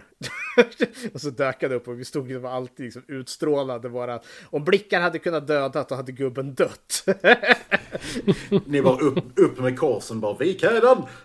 Men vi fick faktiskt liksom ett, ett litet moraliskt dilemma för gubben var nere och simmade där, det var äckligt. Och så fick han kramp.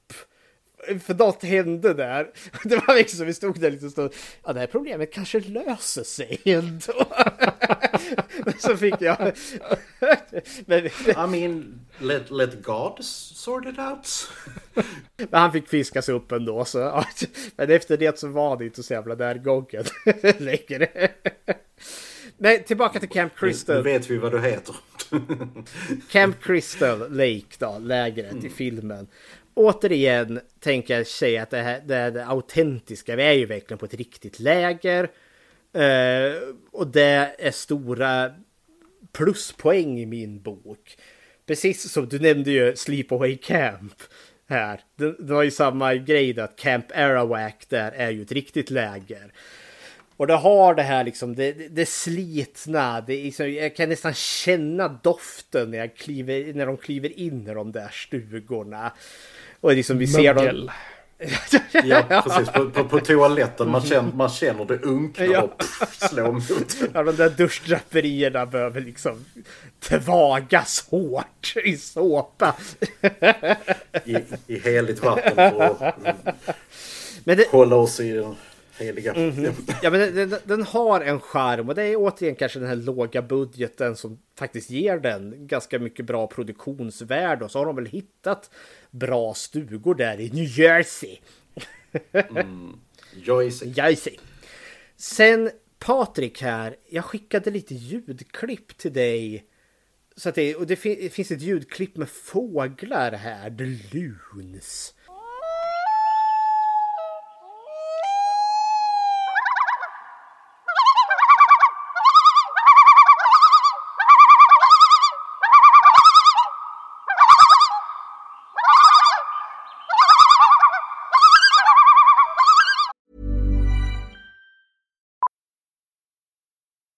Millions of people have lost weight with personalized plans from Noom, like Evan, who can't stand salads and still lost 50 pounds. Salads, generally, for most people, are the easy button, right? For me, that wasn't an option. I never really was a salad guy. That's just not who I am. But Noom worked for me. Get your personalized plan today at Noom.com. Real Noom user compensated to provide their story. In four weeks, the typical Noom user can expect to lose one to two pounds per week. Individual results may vary. I'm Sandra, and I'm just the professional your small business was looking for. But you didn't hire me because you didn't use LinkedIn jobs. LinkedIn has professionals you can't find anywhere else, including those who aren't actively looking for a new job but might be open to the perfect role, like me.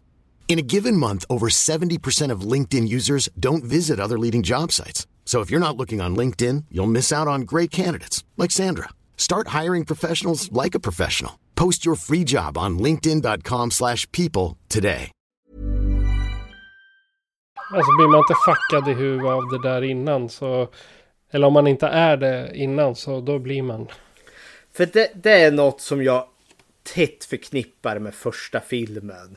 Jag har sett den så många gånger. Vi har alltså liksom de här, det här fågellätet kommer med jämna mellanrum under filmens lopp. Regel liksom när det börjar bli lite mörkt där. Och det är rysligt stämningsfullt på något vis och vänster. Så varje gång jag hör en sån där, då, då, tre dagen bara boom, rakt in i huvudet. På. Sista innan vi lämnar lägret här. Jag följer Adrian King, hon som spelar Alice, the final girl, i den här på Instagram. Och hon, hon gör en hel del på, på sin privata. Alltså, historien kring henne är lite, är lite tragisk egentligen. För hennes skådespelarkarriär tar ganska abrupt slut under lång tid efter den här filmen. För hon fick en jävla stalker efter sig.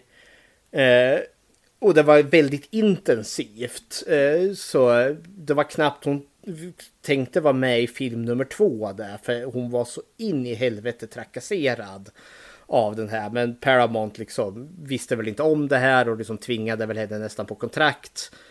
Eh, och hon, ja, men hon var knäckt totalt för den här jävla galningen som inte ville hålla henne i fred. Så hon, hon fick aldrig en skådespelarkarriär. Men hon har i efterhand, liksom när hon väl skräckcommunityt är en välkomnande öppen plats. Alla jävla konferenser, sci-fi, mässor.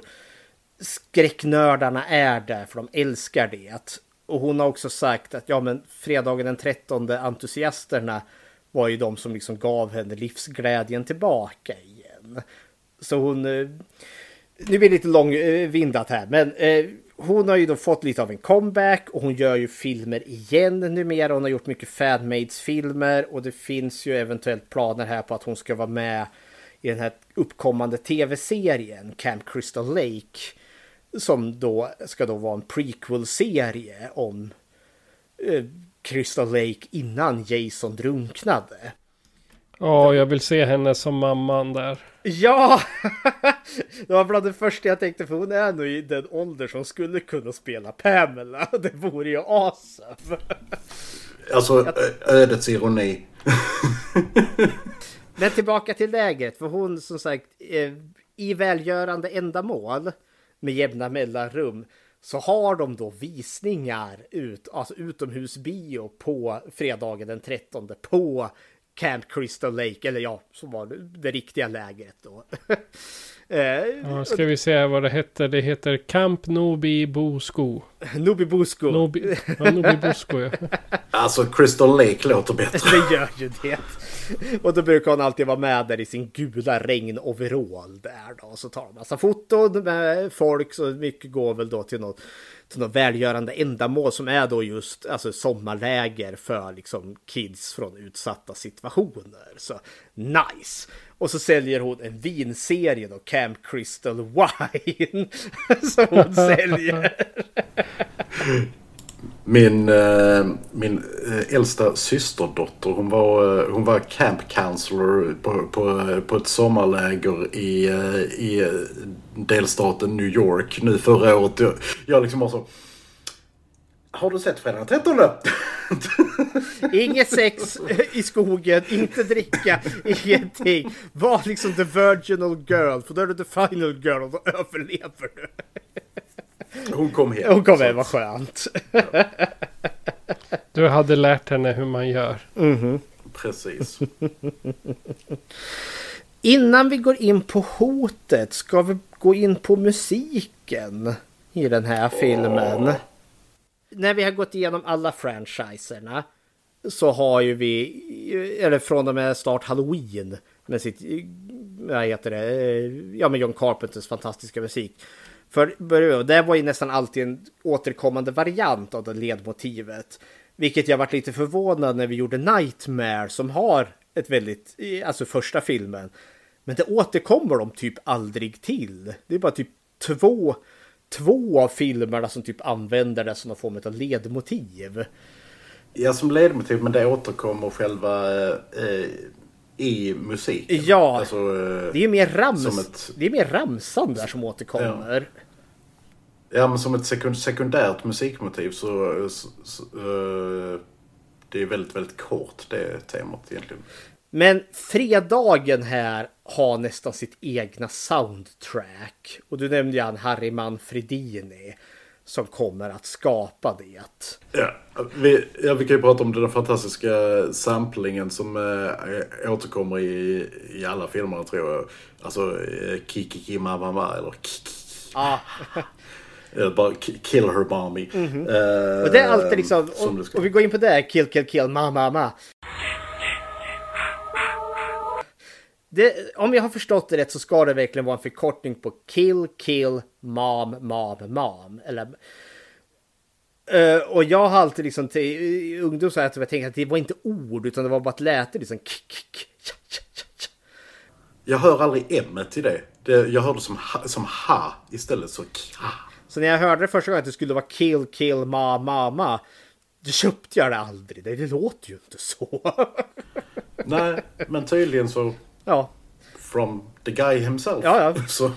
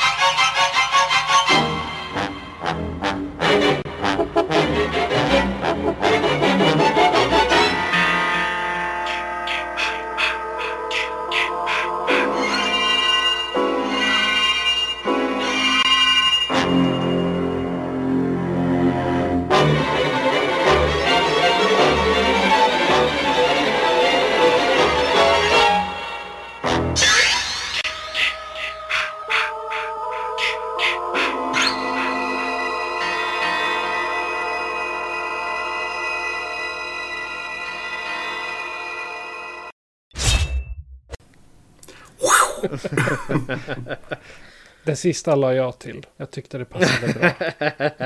Ja, ja. Vad, vad tycks om Harry Manfredinis musik här?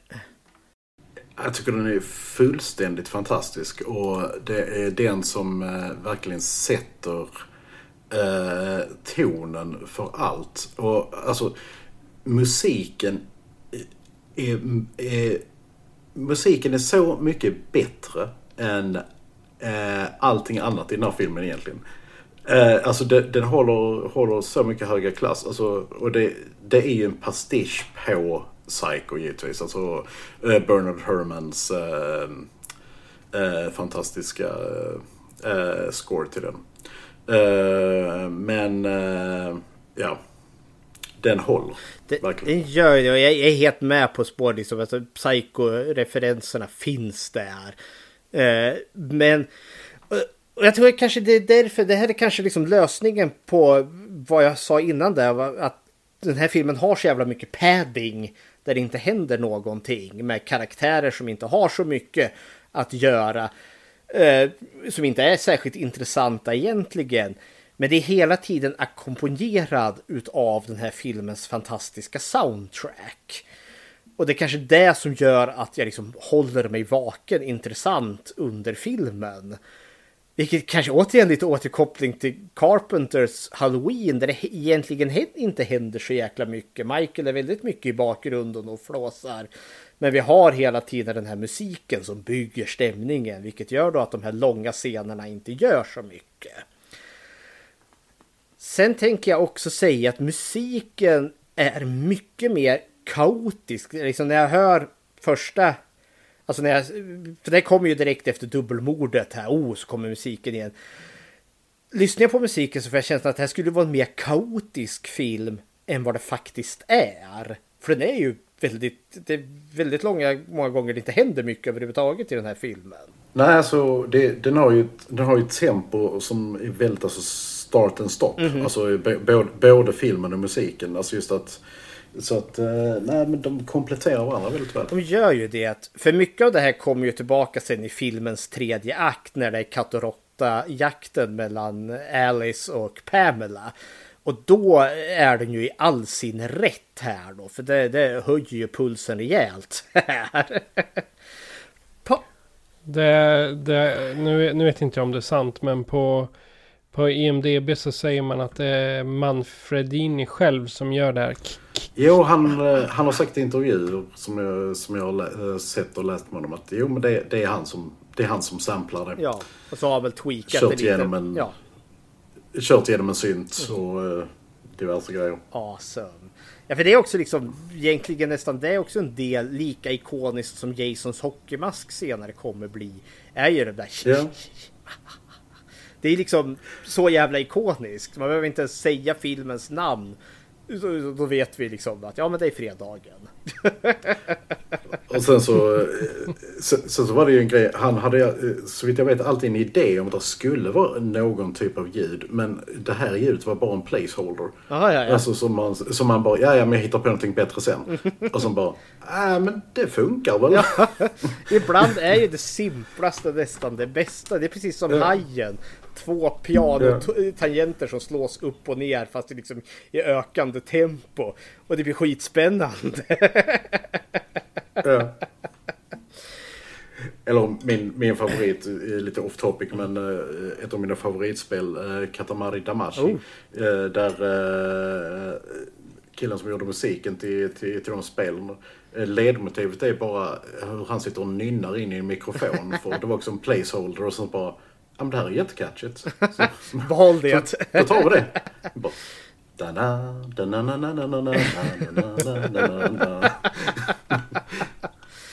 Jag skickade till ljudklipp Patrik. Som är Alice Stalks at Night eller vad det nu heter.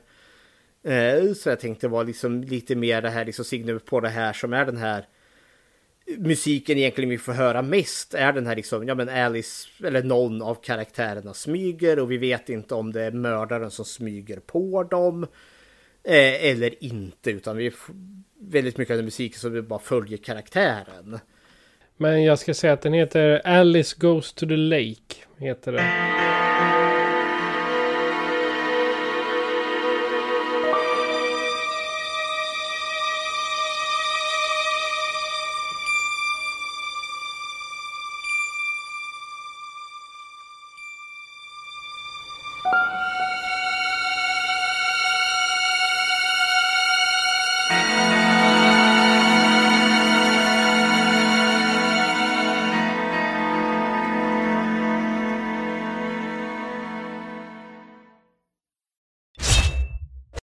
Här är ju väldigt mycket av musiken vi får höra genom hela den här filmen.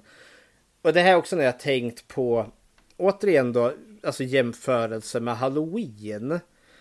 Där får vi ju faktiskt se Michael. Flera gånger får vi... Eh, jag vet inte hur, om vi ens får se några gånger direkt ur Michaels perspektiv.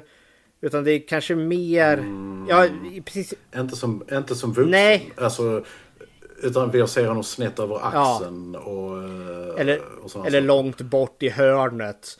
För det har varit nästan liksom som en grej där att försöka faktiskt hitta honom. Och han står ju där och tittar in. Where's, Where's Michael? Michael? Medans... Nej men alltså... Det, ja. Alltså, jag tycker det stor skillnad nu, alltså soundtracken emellan, det är liksom, eh, skulle jag ändå säga, alltså Halloween är ju minimalism-perfektion, alltså det är så minimalistiskt. Och här är det snarare vi brassar på med alla stråkar och blåsinstrument vi har.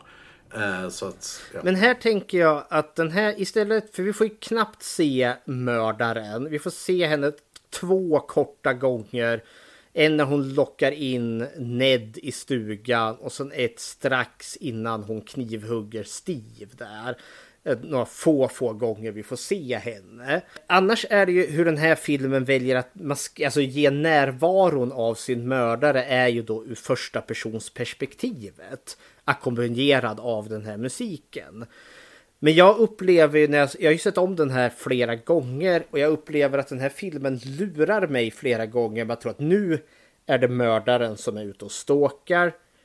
Men sen kommer vi till nästa scen då vi förstår att nej, det kan ju inte vara mördaren. Exempelvis eh, en tid när Alice går ut för att eh, möta karaktären eh, Billy som håller på och målar ett hopptorn eller vad det är. Då är det ju verkligen liksom som att oh, nu är det någon som spanar på henne i buskarna. Vi ser det som kameran dyker in bakom ett träd eller något sånt. Direkt till nästa scen får vi se när Annie blir upplockad. Får hon stå där och liftar. Och det är ju mördaren som plockar upp henne. Så det kan ju omöjligt ha varit mördaren som stod och blängde på henne där. Ja, för jag tänker det, det riktar ju misstankarna mot Steve. Alltså just Alltså i och med att han är på lägret eh, och han och Alice, äh, Alice har haft en liten, liten diskussion. Och nu ska hon gå ner och snacka med den här killen som står och målar där barbröstad. liksom, Som att han ja. blir avis där. Nej, men vi får ju flera sådana gånger, exempelvis när vi följer Marcy in på toaletten. Då har vi också så här, liksom kameran smyger liksom och vi vet liksom inte är det mördaren. Och I slutändan visar det sig att det faktiskt är mördaren. Sen har vi flera andra gånger där liksom någon smyger på men så händer det ingenting.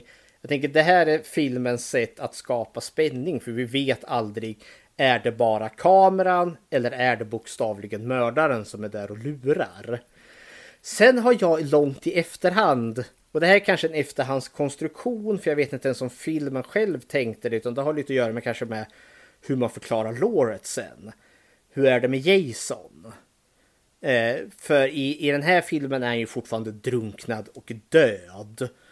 Medan i film 2, spoiler alert, går det ju, då är det ju han som är mördaren. Och film nummer 2 hintar ju mer åt att han faktiskt aldrig drunknade utan har levt såna jävla vilde i skogen. Och då har jag tänkt ibland som exempelvis som spanar, när, han spanar på, eh, på Annie där. Eh, är det filmer som hintar åt det Steve? Eller kan man i efterhand säga att det är Jason som är där och spanar? Alltså som, som en efterhandskonstruktion kan man absolut säga att det är Jason. Alltså, eh, jag menar för att man kan ju alltid... Jag, jag har ju alltid tolkat som, eh, i alla fall slutscenen, eh, när, när Alice blir neddragen, alltså att det är antingen en dröm eller hennes psyke eller vad det nu än är. Eh, så. Ja, för det har jag också alltid gjort. Jag har aldrig trott att det är bokstavligen är Jason som kommer upp där, utan att det är någon mardröm som hon har. Det borde made no Nej. sense. Uh, för, det, för det, det, som har gått och blivit lore-kanon är ju att Jason börjar ju inte mörda förrän efter att han bevittnar sin mamma få sitt huvud avhugget där på stranden. Så det ger ju oss ändå så liksom, alltså i filmens egen kanon att han såg ju det. Så då måste han ju ha funnits där någonstans. Så det är en kul grej när jag tänker tillbaka på den här filmen att ja, Jason har faktiskt en närvaro där utan att faktiskt vara där. Mrs Voorhees. Vad tycker vi om Mrs Voorhees?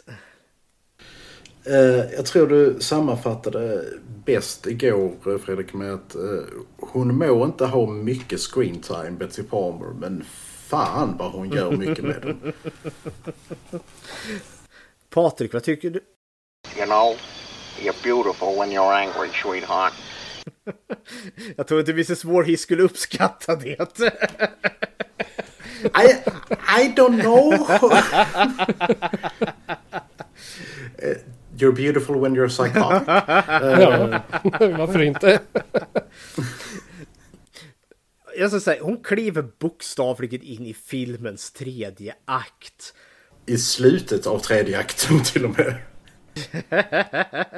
ja, men, och hon, och dels så tänker jag filmen har varit lite seg där närmare slutet. Och hon kommer ju faktiskt in med en jävla massa energi när hon väl gör det. Och det ballar ur något så fruktansvärt. Och jag gillar också hur hon, vi har inte så haft de här läskiga morden och det har varit brutalt värre. Stackars Annie är nu härjad och jagad, liksom uppiskad. Och det finns ändå så en viss logik här för hon har barrikaderat sig in i huset. Eh, och jag har alltid tänkt att ja, men Pamela kommer inte åt henne på samma sätt. Men nu det är bara hon kvar. Så nu outar hon sig själv. Kommer med jeepen där. Och istället för att komma ut som den här onda mördaren så kommer hon ju ut som den här ja, men puttriga mamman. För det första som händer är ju att Annie liksom hajar till. Vem är du? Och Mrs Voorhees, an old friend of the Christies. Och liksom bara rusar fram och ger henne liksom en kram, liksom för hon utstrålar trygghet. För det är liksom, ja men... Ja, ja men moderlig. Hon utstrålar farmor eller mormor eller någonting ja. sånt. Alltså jag menar, innan hon blir psykotisk är hon jättemysig. Hon är ju det. Ja. Och det är det som jag också undrar, hur, hur funkar psyket hos Pamela? För jag tänker när hon ändå så, hon kliver ju in där och så ser hon ju liket sen då. Och liksom, oh what kind of animal would do this? Spelar hon bara ett spel? Eller är det någonting som liksom skiftar där? Jag tror att det är mycket av ett spel. Hon är, hon är liksom en woman on a mission. Eh, så att hon vill ju helt enkelt ha, eh, ha Alice eh, släppa ner garden och eh, runt henne. Ja, för jag, jag har tänkt så jag också, för jag tror inte hon är så galen. Galen är hon. Men så galen så att hon inte har koll på vad hon gör. Nej, varit... there's, there's method to her crazy. Ja. För då hade hon blivit gripen långt innan. Men jag oh, gillar verkligen hur hon går för den här... Jag vet, hon börjar prata om Jason där. My, my only boy Jason. Och liksom, ja, men han var ingen bra simmare. Mm. Eh, och vi får liksom reda på liksom, ja, ja men han drunknade där. Vilket jag också noterade här, här får vi faktiskt höra Jason prata. Han ropar ja. ju på hjälp där i flashbacken. Jason tenderar ju inte att prata någonsin, han är ju stum i stort sett. Men frågan är, är det hennes flashback han pratar i eller är det i den verkliga flashbacken? Jag vet, man, att, man, att man ser sitt eget barn som perfekt och sådär. Visst, det gör man, men verkligheten ibland är att en del barn kan vara jävligt fula. Ja, men hon kan ju inte ha sett det här. Alltså, Nej. För i så fall hade Nej. hon gjort någonting. Så ja, hon, hon, hade är... ju, hon hade ju kastat sig i sjön mm. och räddat honom. Ja. Det är ju det som är, han drunknar ju på grund av att de som skulle ha uppsikt över honom, de låg ju och hade sex just då. Och det, då är olyckan framme. Och vi får vi kanske gå in på Jason här också, för vi förstår ju. Hon säger ju inte det rakt ut, men han säger liksom att han var en, han var en speciell pojke. Han har ju någon typ av ganska grav utvecklingsstörning. Ja. Uh. Och det är ju så jag har tolkat karaktären sen också. Det är liksom något som han beskrivs som sen är ju att han är egentligen ett vuxet barn i stort sett. Är det inte så att han var missbildad också? Det finns ju någon uh, ja, det också. om det också. Ja, men han är ju deformerad. Han har ju ett större huvud ungefär. Liksom som att ena ögat är liksom lite wonky jämte mot det andra. Så han får ett väldigt eh, osymmetriskt ansikte. Och jag tänker det här ger ju också kanske, och det här är egentligen inte att tänka till för mycket heller, för det finns i subtext. Jag tänker hon har fött ett barn med både fysiska och psykiska handikapp. Vi vet ingenting om Jasons pappa. Han finns med i det utökade låret som kommer långt senare, Elijah eh, Voorhees. Men här så vet vi mest bara att det är hon. Och jag tänker att hon, vi får också reda på att hon arbetade på lägret som kokerska. Jag tänker att det kanske inte, alltså, han, hur, hur gammal kan Jason vara när han drunknar? Åtta eller något sånt där. Något sånt. Vilket gör att han måste ha varit född, och han drunknar 57, då måste han varit född slutet, för, ja men säg 48, 49 Ja, efter, efter kriget Amerika. Hon är då den ensamstående modern till ett mentalt och fysiskt handikappat barn. Vilket gör väl då att hon är en överbeskyddande. Ekonomin är, jag tänker säga att ekonomin kanske är ganska dålig. Så därför har hon arbetat som kokerska här på lägret, vilket är liksom ett säsongsarbete. Och då är ju Jason med, för hon har ju inte råd att liksom ha någon barnvakt till honom, tänker jag. Eh, eh, och sen, så jag tänker liksom det finns Jason och Pamela här då är ju verkligen arbetarklassens slasher. Och kanske inte ens det, utan kanske till och med under arbetarklassen. Där de eh, porträtterar Jason som. Det finns faktiskt en, eh, ett, en, eh, en sjukdom som heter Smith-Kingsmores.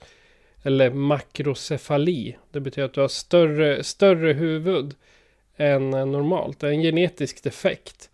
Och den kommer ofta med större huvud, nedsatt in- intellekt och eh, anfall. Så även om, även om det här troligen är lite nyare så på redan på 40-talet då enligt den där så, så finns det faktiskt en sjukdom. Som, eller sjukdom, eh, genetisk nedsättning. Så. Och den är Alltså, väldigt ja. ovanlig. Det skulle inte förvåna mig om, om Tom Savini har grävt upp den, alltså när han eh, designade. För det jag, det jag tänker spinna lite här på med Pamela och liksom mördarnas, eller, ja men både hans och, eller framförallt hennes då, motiv här. När jag tänker liksom mödrar på, i skräckfilm, den som, och vi har ju redan Psycho-kopplingen, det är ju Mother från Psycho då. Ja. Eh, Den onda modern där. Men det är henne som är grej. Hon är ju genuint ond Mother. Den här nedsättande, elaka kvinnan. Eh, som har plågat sin son och så fruktansvärt och drivit honom till galenskap. Uh, uh, här fick han är född 46 eh, enligt, uh, enligt fandomen. Uh, det är en helt vanlig jäkla vattenskall han ska ha. Ja, så där, så där, så där.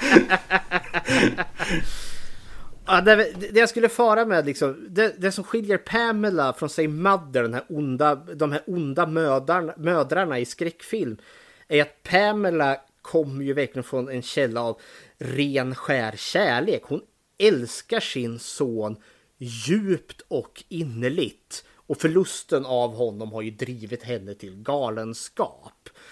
Hennes liksom källa till ondska kommer ju, eller det, det, det, hennes handlingar är ju onda.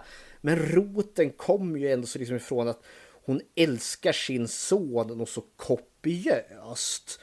Det är det här som blir dissonansen. Mother i Psycho, det var en elak och vidrig dominerande kvinna.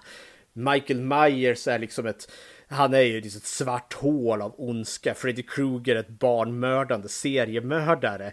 Pamela är liksom den, den gråtandes modern. Alltså hennes sorg är påtaglig och på riktigt. Vilket gör henne komplex och väldigt obehaglig.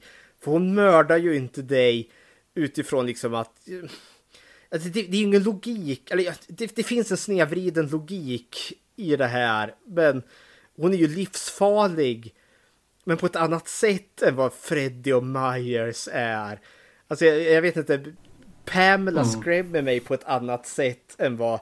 Hon är realistiskt livsfarlig. Alltså jag menar, det, jag hade mycket väl kunnat säga att det hade kunnat slå, slå slint för en förälder som hade förlorat sitt barn. Och att man hade begått uh, hemska gärningar på grund av detta. Uh, fine, det kan jag säga. Jag har lite svårare att se liksom en, en brännskadad drömdemon i uh, verkligheten. Uh, ja. Ja, nej, det, det finns Lite något- svårare. Ja, alltså det är det som gör henne som en intressant skurk. För liksom att, ja men hon är ju... Hon, hon, eh, Betsy Palmer själv sa ju när hon klev in, hon, hon gjorde den här rollen för att hon behövde en bil. Hon behövde pengar till en bil. Så hon ville ställa, ja okej varför inte. Och när hon klev in där så hade hon liksom förberett sig på att liksom spela en elak häxa som kom in där. Och de liksom bara nej, nej, nej, vi vill ha en ömsint moder. Och det är det jag gillar, liksom dissonansen som kommer här. Och det, för jag tror det är det som gör henne mer minnesvärd istället för att hon kom in där som den här elaka häxan, onda drottningen som kacklar in. Eh, Ja, för, för hon är minnesvärd, tycker jag. Även om hon härligt... Kill them mother. Kill them! Don't let her get away. Så, och hon har, jag gillar när, när Annie har gömt sig i skafferiet och hon slår sig in med macheten. Det Ja. finns en, när hon får upp det lilla hålet, hon tittar in och så ser hon Jan och hon bara liksom får ett elakt flin. I see you darling. Och jag vet, det, det finns en sån så elak glädje som hon har där som bara utstyr. Jag, jag vet inte vad. Sen får jag erkänna något som är sjukt frustrerande. Inte en gång, inte två gånger, utan tre gånger lyckas Annie slå ner Mrs. Voorhees.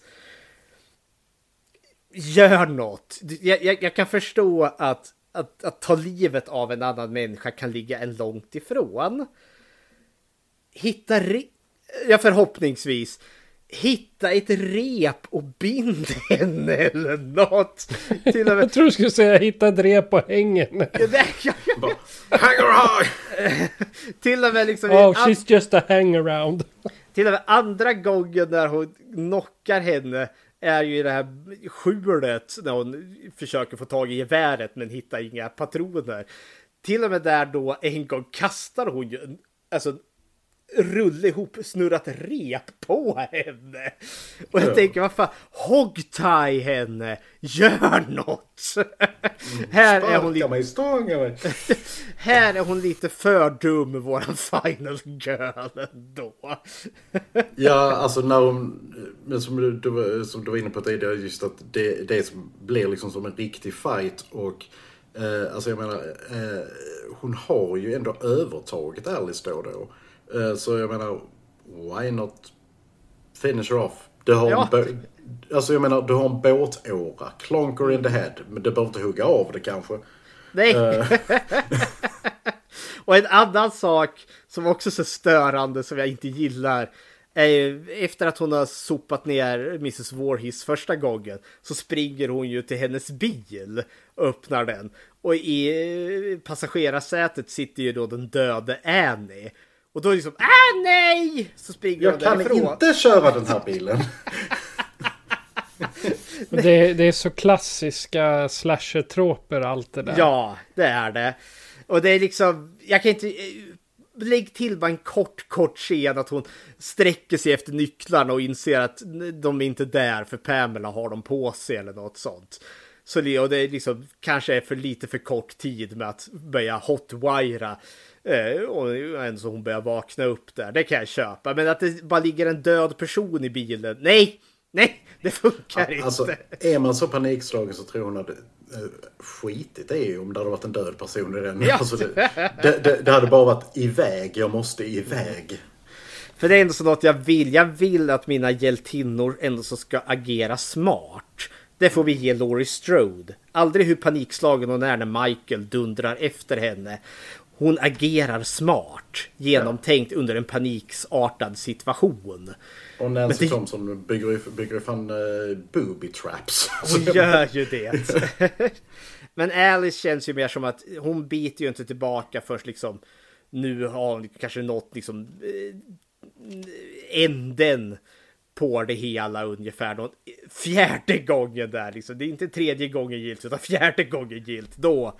Nu, nu spricker förpackningen till, Ja. eh, till eh, vad heter det, pirogen. Ja. Nu, och då får... Spricker för What? Ja, men har du aldrig mikrat en Billy eller en Gorbis för länge? Inte så länge så att den har puff.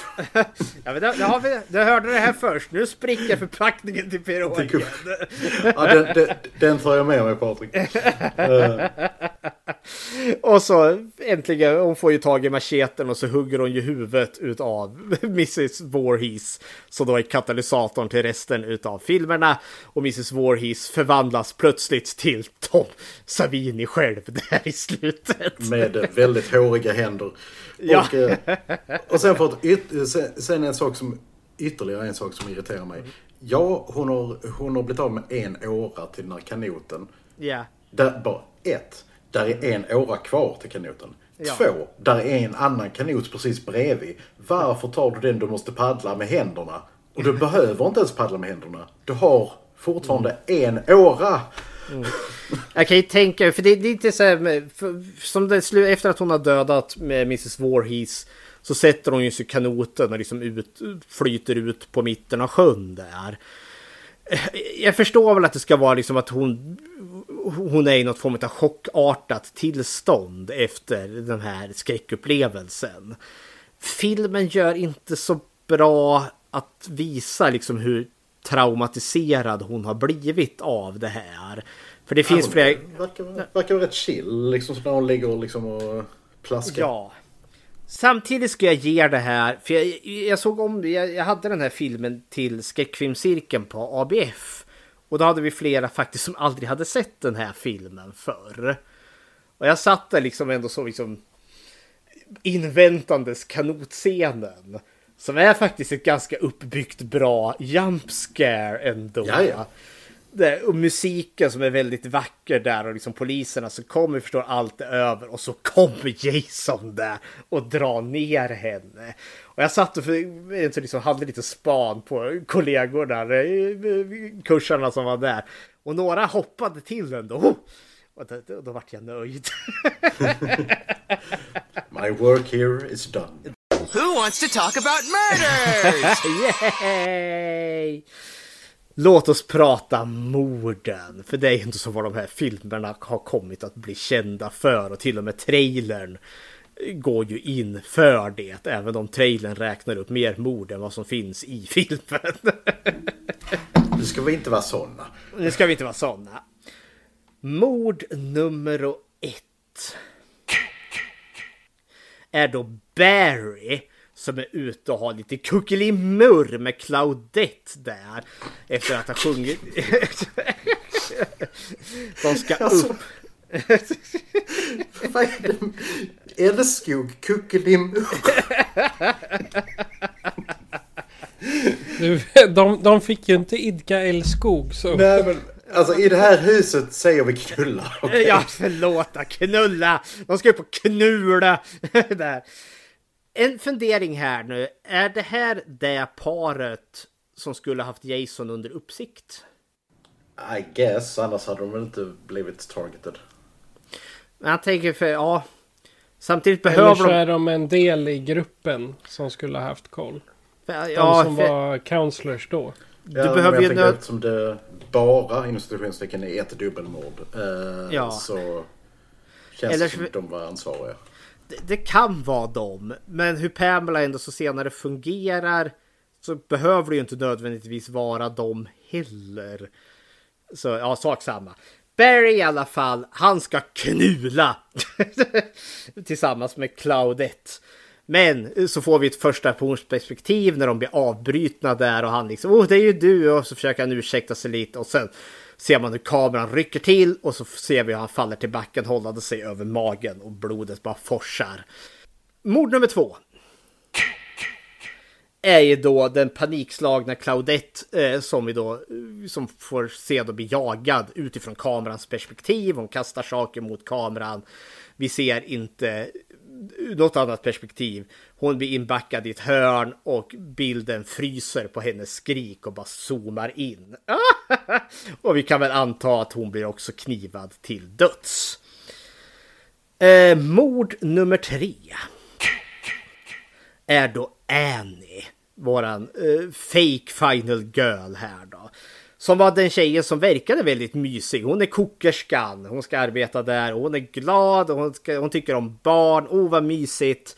Liftar med helt fel person. Och det här jag undrar, är det här Pamela får reda på att lägret ska öppnas igen? För hon säger, oh jag ska till Camp Crystal Lake och vi ska öppna det igen. Och då liksom vitnar det för ögonen. Nej, alltså det här har ju varit snack, snack om det i stan eh, sen tidigare. Ja. Så det, det tror jag hon har vetat om. Ja, Pamela har nog koll på det här. Men hon bränner ju iväg. Eh, låter inte Annie kliva av utanför Camp Crystal Lake. Och Annie kastar sig ut ur bilen. Eh, stukar foten rejält. Haltar ut i skogen. Med henne hack i häl. Och så kommer hon ifatt henne, trycker upp henne mot ett träd och snittar halsen på henne. I en då ganska rejäl Tom Savini-effekt där vi ser blodet forsar ut. Och sätter in henne i bilen igen sen. Ja, bevisligen. Mord nummer fyra. Är då skämtpåsen Ned.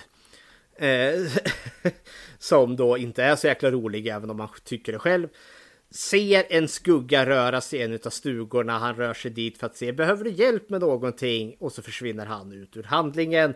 Han dyker upp sen igen under knullscenen. Där kameran då panorerar upp från vårat knullandes par. Och då ser vi hur han ligger död på eh, ovan sängen där med halsen avskuren. Mord nummer fem är då på Herr Bacon spelar Jack här då. Som efter att ha itkat knullskog. då, får lite bloddroppar som nu har då eh, alltså blött igenom madrassen ovanför och får det lite på pannan. Lagom tills han hinner reagera så kommer då handen upp under sängen, tar ett stadigt tag om hans panna och med andra då trycker en pilbåge eller en pil, eller, eller vad heter det, en, en pil. En pil. En pil. Genom hans nacke så den kommer upp ur hans hals, pilspetsen. Och blodet bara pissar ut. Där har jag lite så fun fact. Grejen var liksom att de hade riggat det här så att det skulle pulsera ut blod. Och de hade ju liksom i, den lågbudgetfilm och de hade ju inte så mycket. Så precis liksom när pilen går igenom så trycker de ju på det där som ska pulsa ut. Men det pulsar inte. Så de var bara i panik så Tom Savini bara tar det där röret och så blåser han i det. Det är därför vi får en jättekaskad av blod som kommer helt plötsligt. Fast å andra sidan träffar han halspulsådern så är det ju rätt så mycket skjuts på det här blodet. Ja. Det är ju det. Men det är liksom en, en viss fördröjning. Men då vet ni varför. För det är Tom Savini som blåser för glatta livet på andra änden. Änglatrumpet. Änglatrumpet. Mord nummer sex. Adon Marcy. Där som håller på att tvättar av sig. Eh, och eh, då blir inlurad i, eh, i duschrummet. För hon hör någonting. Men tror att ingen är där, men då får vi ju se skuggan utav yxan höja sig mot eh, skyn. Och när hon vänder sig om så möts, eh, ja, för besväret så får hon ju då yxan rakt i ansiktet. Vilket också är en ganska grotesk effekt. vi får inte se yxan träffa henne, men vi får däremot se liksom eftereffekten med yxan som bokstavligen har planterats, liksom klyvt halva hennes ansikte, måste den ju ha gjort. Mord nummer sju. Är då på Steve som vi egentligen bara unisont kommer fram till att vi hatar Steve. Han har inte gjort särskilt mycket för att förtjäna Fuck you Steve! Fuck you Steve! Du har en ful mustasch och dumma glasögon. Nej men eh, han möts också då av, han blir bländad av en person och går fram emot den och säger Oh hi, it's you! Och sen då ser vi hur kameran rygger till, precis som med mordet på Barry. Och så förstår vi att han har blivit knivhuggen i magen. Eh, mord nummer åtta. är då på Bill som jag då upplever är kanske då Annies lilla kärleksintresse som hon hemskt gärna försöker få naken när de spelar strippmonopol där. Men det, det blir inte så. Han hittas död i, eh, vad heter det, eh, generatorsrummet där han då på något vis och vänster har blivit fastnaglad mot dörren med en pil genom ögat, genom bröstet, genom kuken plus att han har fått halsen avskuren. If at first you don't succeed. try, try again. Mord nummer nio. Är då på Brenda som kan ha dött innan Billy. För hon blir utlockad eh, till eh, pilbågsbanan där. Eh, där hon då blir bländad. Här Brenda vet... bländad. Blir bländad. Här vet vi faktiskt inte. För vi får se henne död sen. För hon blir inslängd genom fönstret. Inlindad i massa rep. Och hennes nattlinne är alldeles blodigt. Jag har väl alltid tolkat som att, för det känns som att hon är på pilbågsbanan och vi fick en scen tidigare där hon bär upp pilbågs, alltså träfftavlan och idioten Ned skjuter en, en pil mot den. Alltså den Eh. känner jag mig fortfarande arg. ja. vad, vad fan gör du Ned? Vilket i verkliga livet faktiskt var ju, det var ju en riktig pil som sköts mot henne fast så hade de ju en, en expert som var Ja. där och då sköt så det är, ja, hip hop. Det känns ju som att, i och med att hon blir bländad där, det känns ju som att det naturliga är väl att Pamela skjuter henne med en pil. Eller, Eller- flera. Eller men vi- det sitter inga pilar i henne så det är oklart. Hon kan... Det känns som att filmen hintar åt att hon, vad heter det, sköt henne med en pil. Hon kan lika gärna knivhugget. På något sätt är Brenda död. Hur som helst. She's dead dude. Sista dag, nummer 10. Är ju Mrs Voorhees själv då som får huvudet avlägsnat från sina axlar.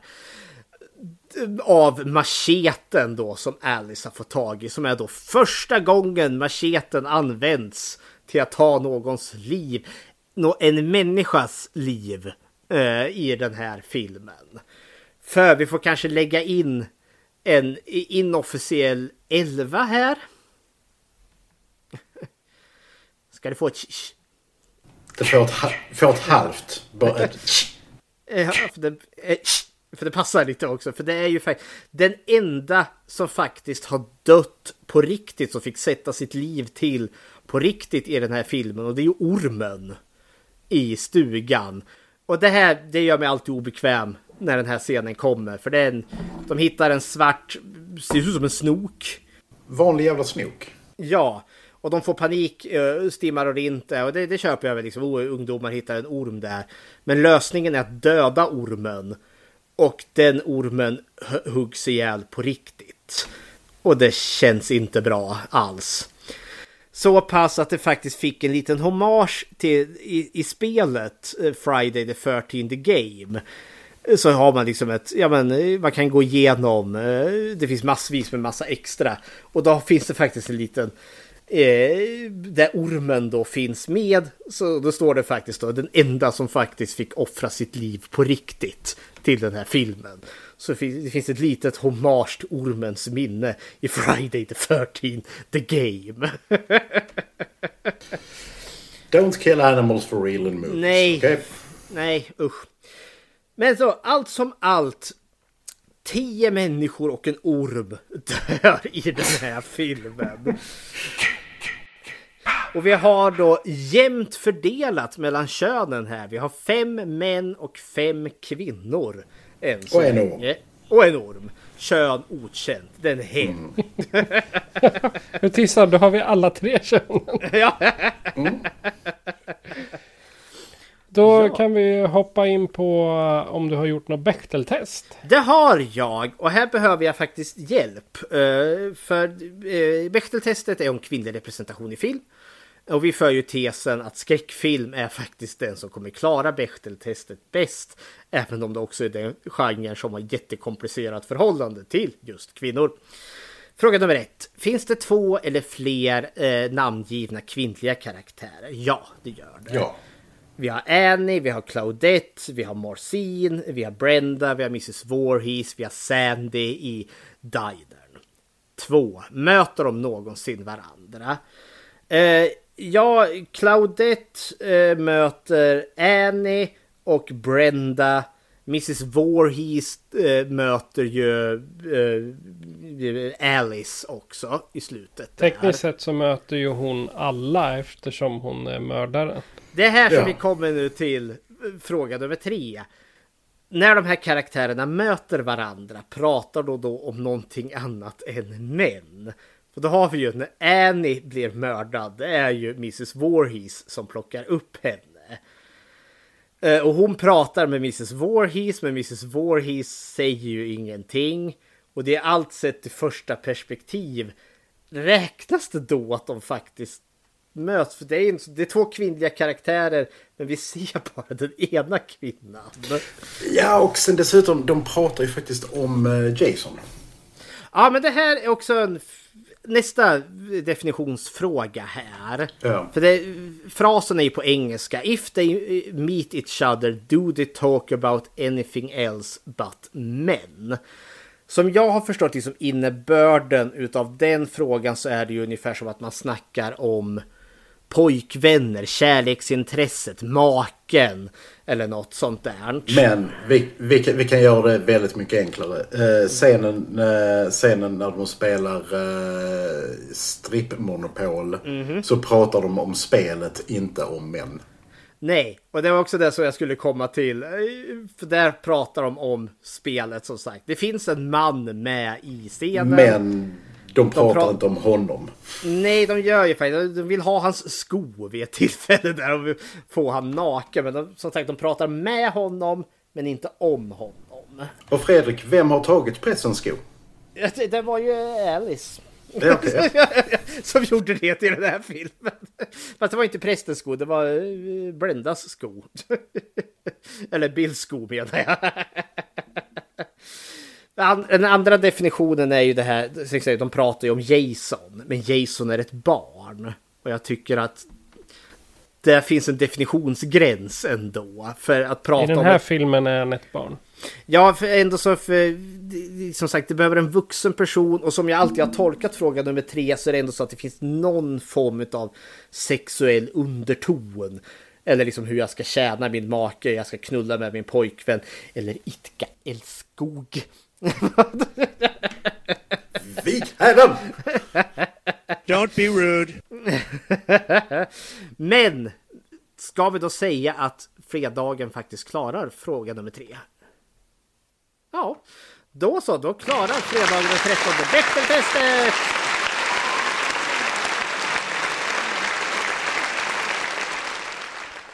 Så Ulf, skulle du vilja säga några avslutande ord och kanske ge ett betyg? På en skala 1 till 5. På en skala 1 till 5? Oj, eh, nu blir det jävligt jobbigt. Jag är ju van vid att sätta betyg på vår galna Star Wars-skala. Eh, nej, men eh, jag tycker Friday 13 den första är en unik film på många sätt som inte är representativ för franchisen på gott och ont. Eh, och jag skulle ändå säga att det mest är på gott. Så att jag velar lite på betyget faktiskt. Så att det är mellan en 3 plus och en 4 minus. Eh, eftersom jag alltid säger att jag hellre friar än fäller så säger jag en 4 minus. Eh, jag tycker om den här filmen. Den är udda. Eh, den har ett långsamt tempo som den inte borde ha men en viss charm eh, som ja, den går vidare på. Jag gillar verkligen att vi har, för mig det här unika att vi har liksom bara normala mänskliga karaktärer som lever liksom sitt bästa liv och så finns det en galen mördare någonstans i skogen. Jag gillar väl också var den här filmen kommer att starta. Den är lite av en milstolpe trots att den inte är först. Men det finns andra sådana här filmer jag tänker säga Motorsågsmassakern, en fantastisk milstolpe i filmhistoria. Halloween, är ännu större egentligen än den här.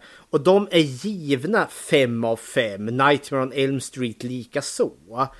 Det här är inte en given fem av fem. Även om den har gått och blivit jäkligt ikonisk. Och precis som du sa Ulf, den är inte representativ för vad som komma skall sen. Men jag kommer ändå så att ge den här 5 av 5. Dock med brasklappen att skulle jag rangordna sig Motorsåg, Halloween, Nightmare så kommer fredagen att hamna under de samtliga fem av fem filmer.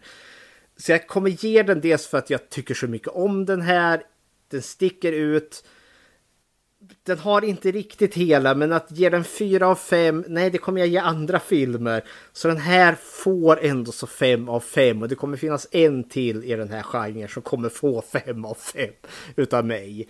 Så den här får det utan att riktigt förtjäna det trots kanske, allt. Kanske en fem minus. Ja, fem minus, en fem minus, en svag femma får den. Jag kan inte kvalificera det här som ett mästerverk på långa vägar, men den ska ha fem av fem. En svag fem av fem, men den ska ha den. Patrik? Ja, jag skulle säga min, mitt leverne av slasherfilmer skulle vara som ett, eh, en brödskiva utan smör. Det är så jag tänker. För det här blir liksom smöret på min eh, torra skräckfilmsmacka. Eh, så utan fredag den 13 del 1 så tycker jag fredag den 13 franchisen överlag inte är mycket mer än en, eh, en killfest.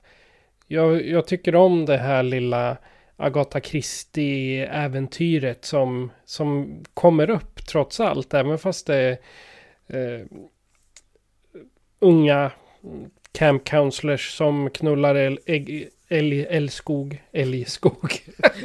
knullar i en älgskog. Det blir bara värre. ja. Man vet aldrig vem som tittar.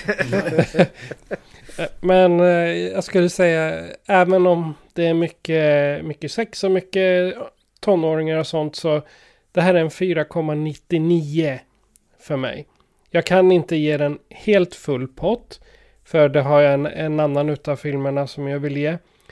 Men ändå, så utan den här finns är inte min slasher smörgås komplett. En vacker metafor. Ja. Mm.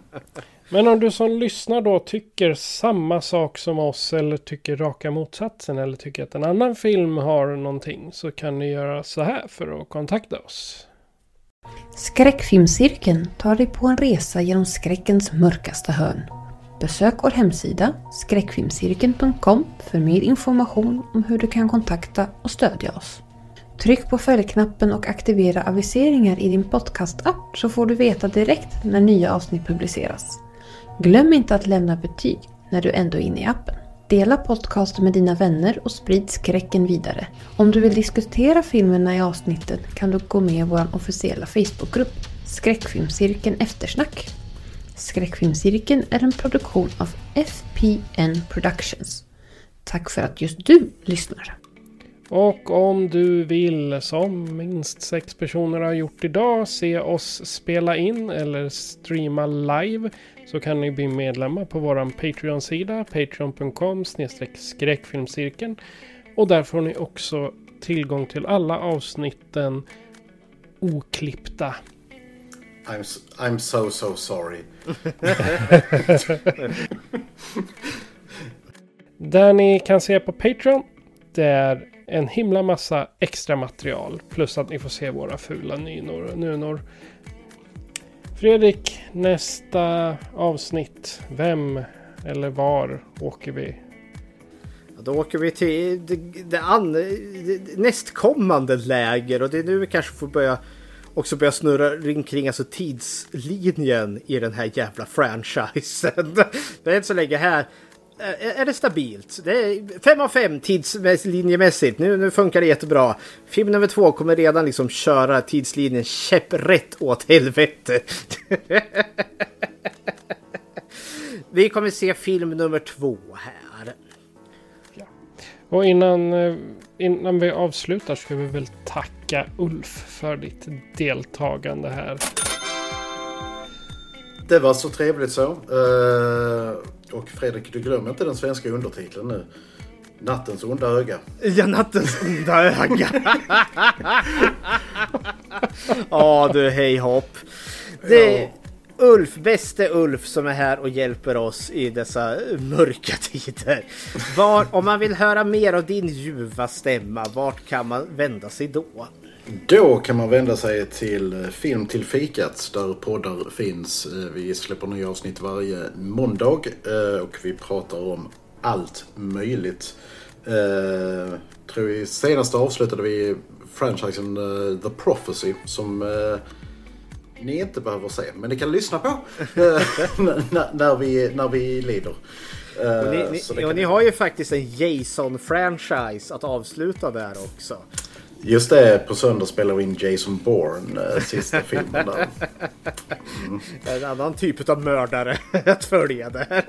Den är bättre än Prophecy. Som jag, kan säga. jag kan varmt rekommendera Film till fikat. En väldigt rolig podd. Det är bara för att du är med där ganska ofta. Ja, det är det jag också. Ja, vi har, vi har adopter, adopterat Fredrik. Liksom, så det... Där är väl känd som kardinalen. Alltså. Kardinalen. Jajamensan. och med jämna mellanrum The Supreme Overlord of Everything. Mm. en, titel som jag, en titel som jag som oftast brukar förlora. ja. Och det är ganska många gånger som vi, vi, har, vi har teologiska spörsmål som vi säger vi får fråga kardinalen. och då är det mig de ska fråga. Ja.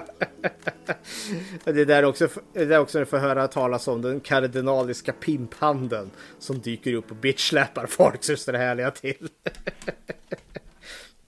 Okej, okay, men vi har inte så mycket mer kvar att säga denna fredags, eh, 13 fredagen än att eh, jag heter Patrik. Och jag heter Fredrik och med oss idag hade vi Ulf från Film till fikat. Adjö på er. Thank you. Bye bye.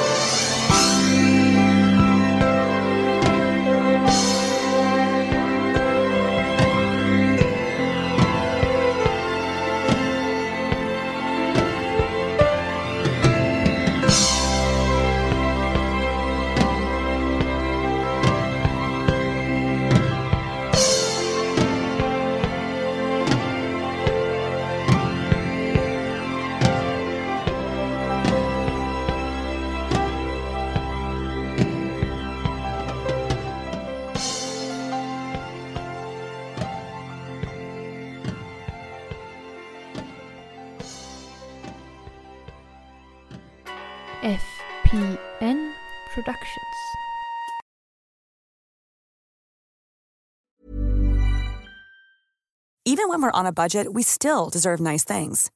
Quince is a place to scoop up stunning high-end goods for 50 to 80% less than similar brands. They have buttery soft cashmere sweaters starting at $50, luxurious Italian leather bags, and so much more. Plus, Quince only works with factories that use safe, ethical, and responsible manufacturing. Get the high-end goods you'll love without the high price tag with Quince.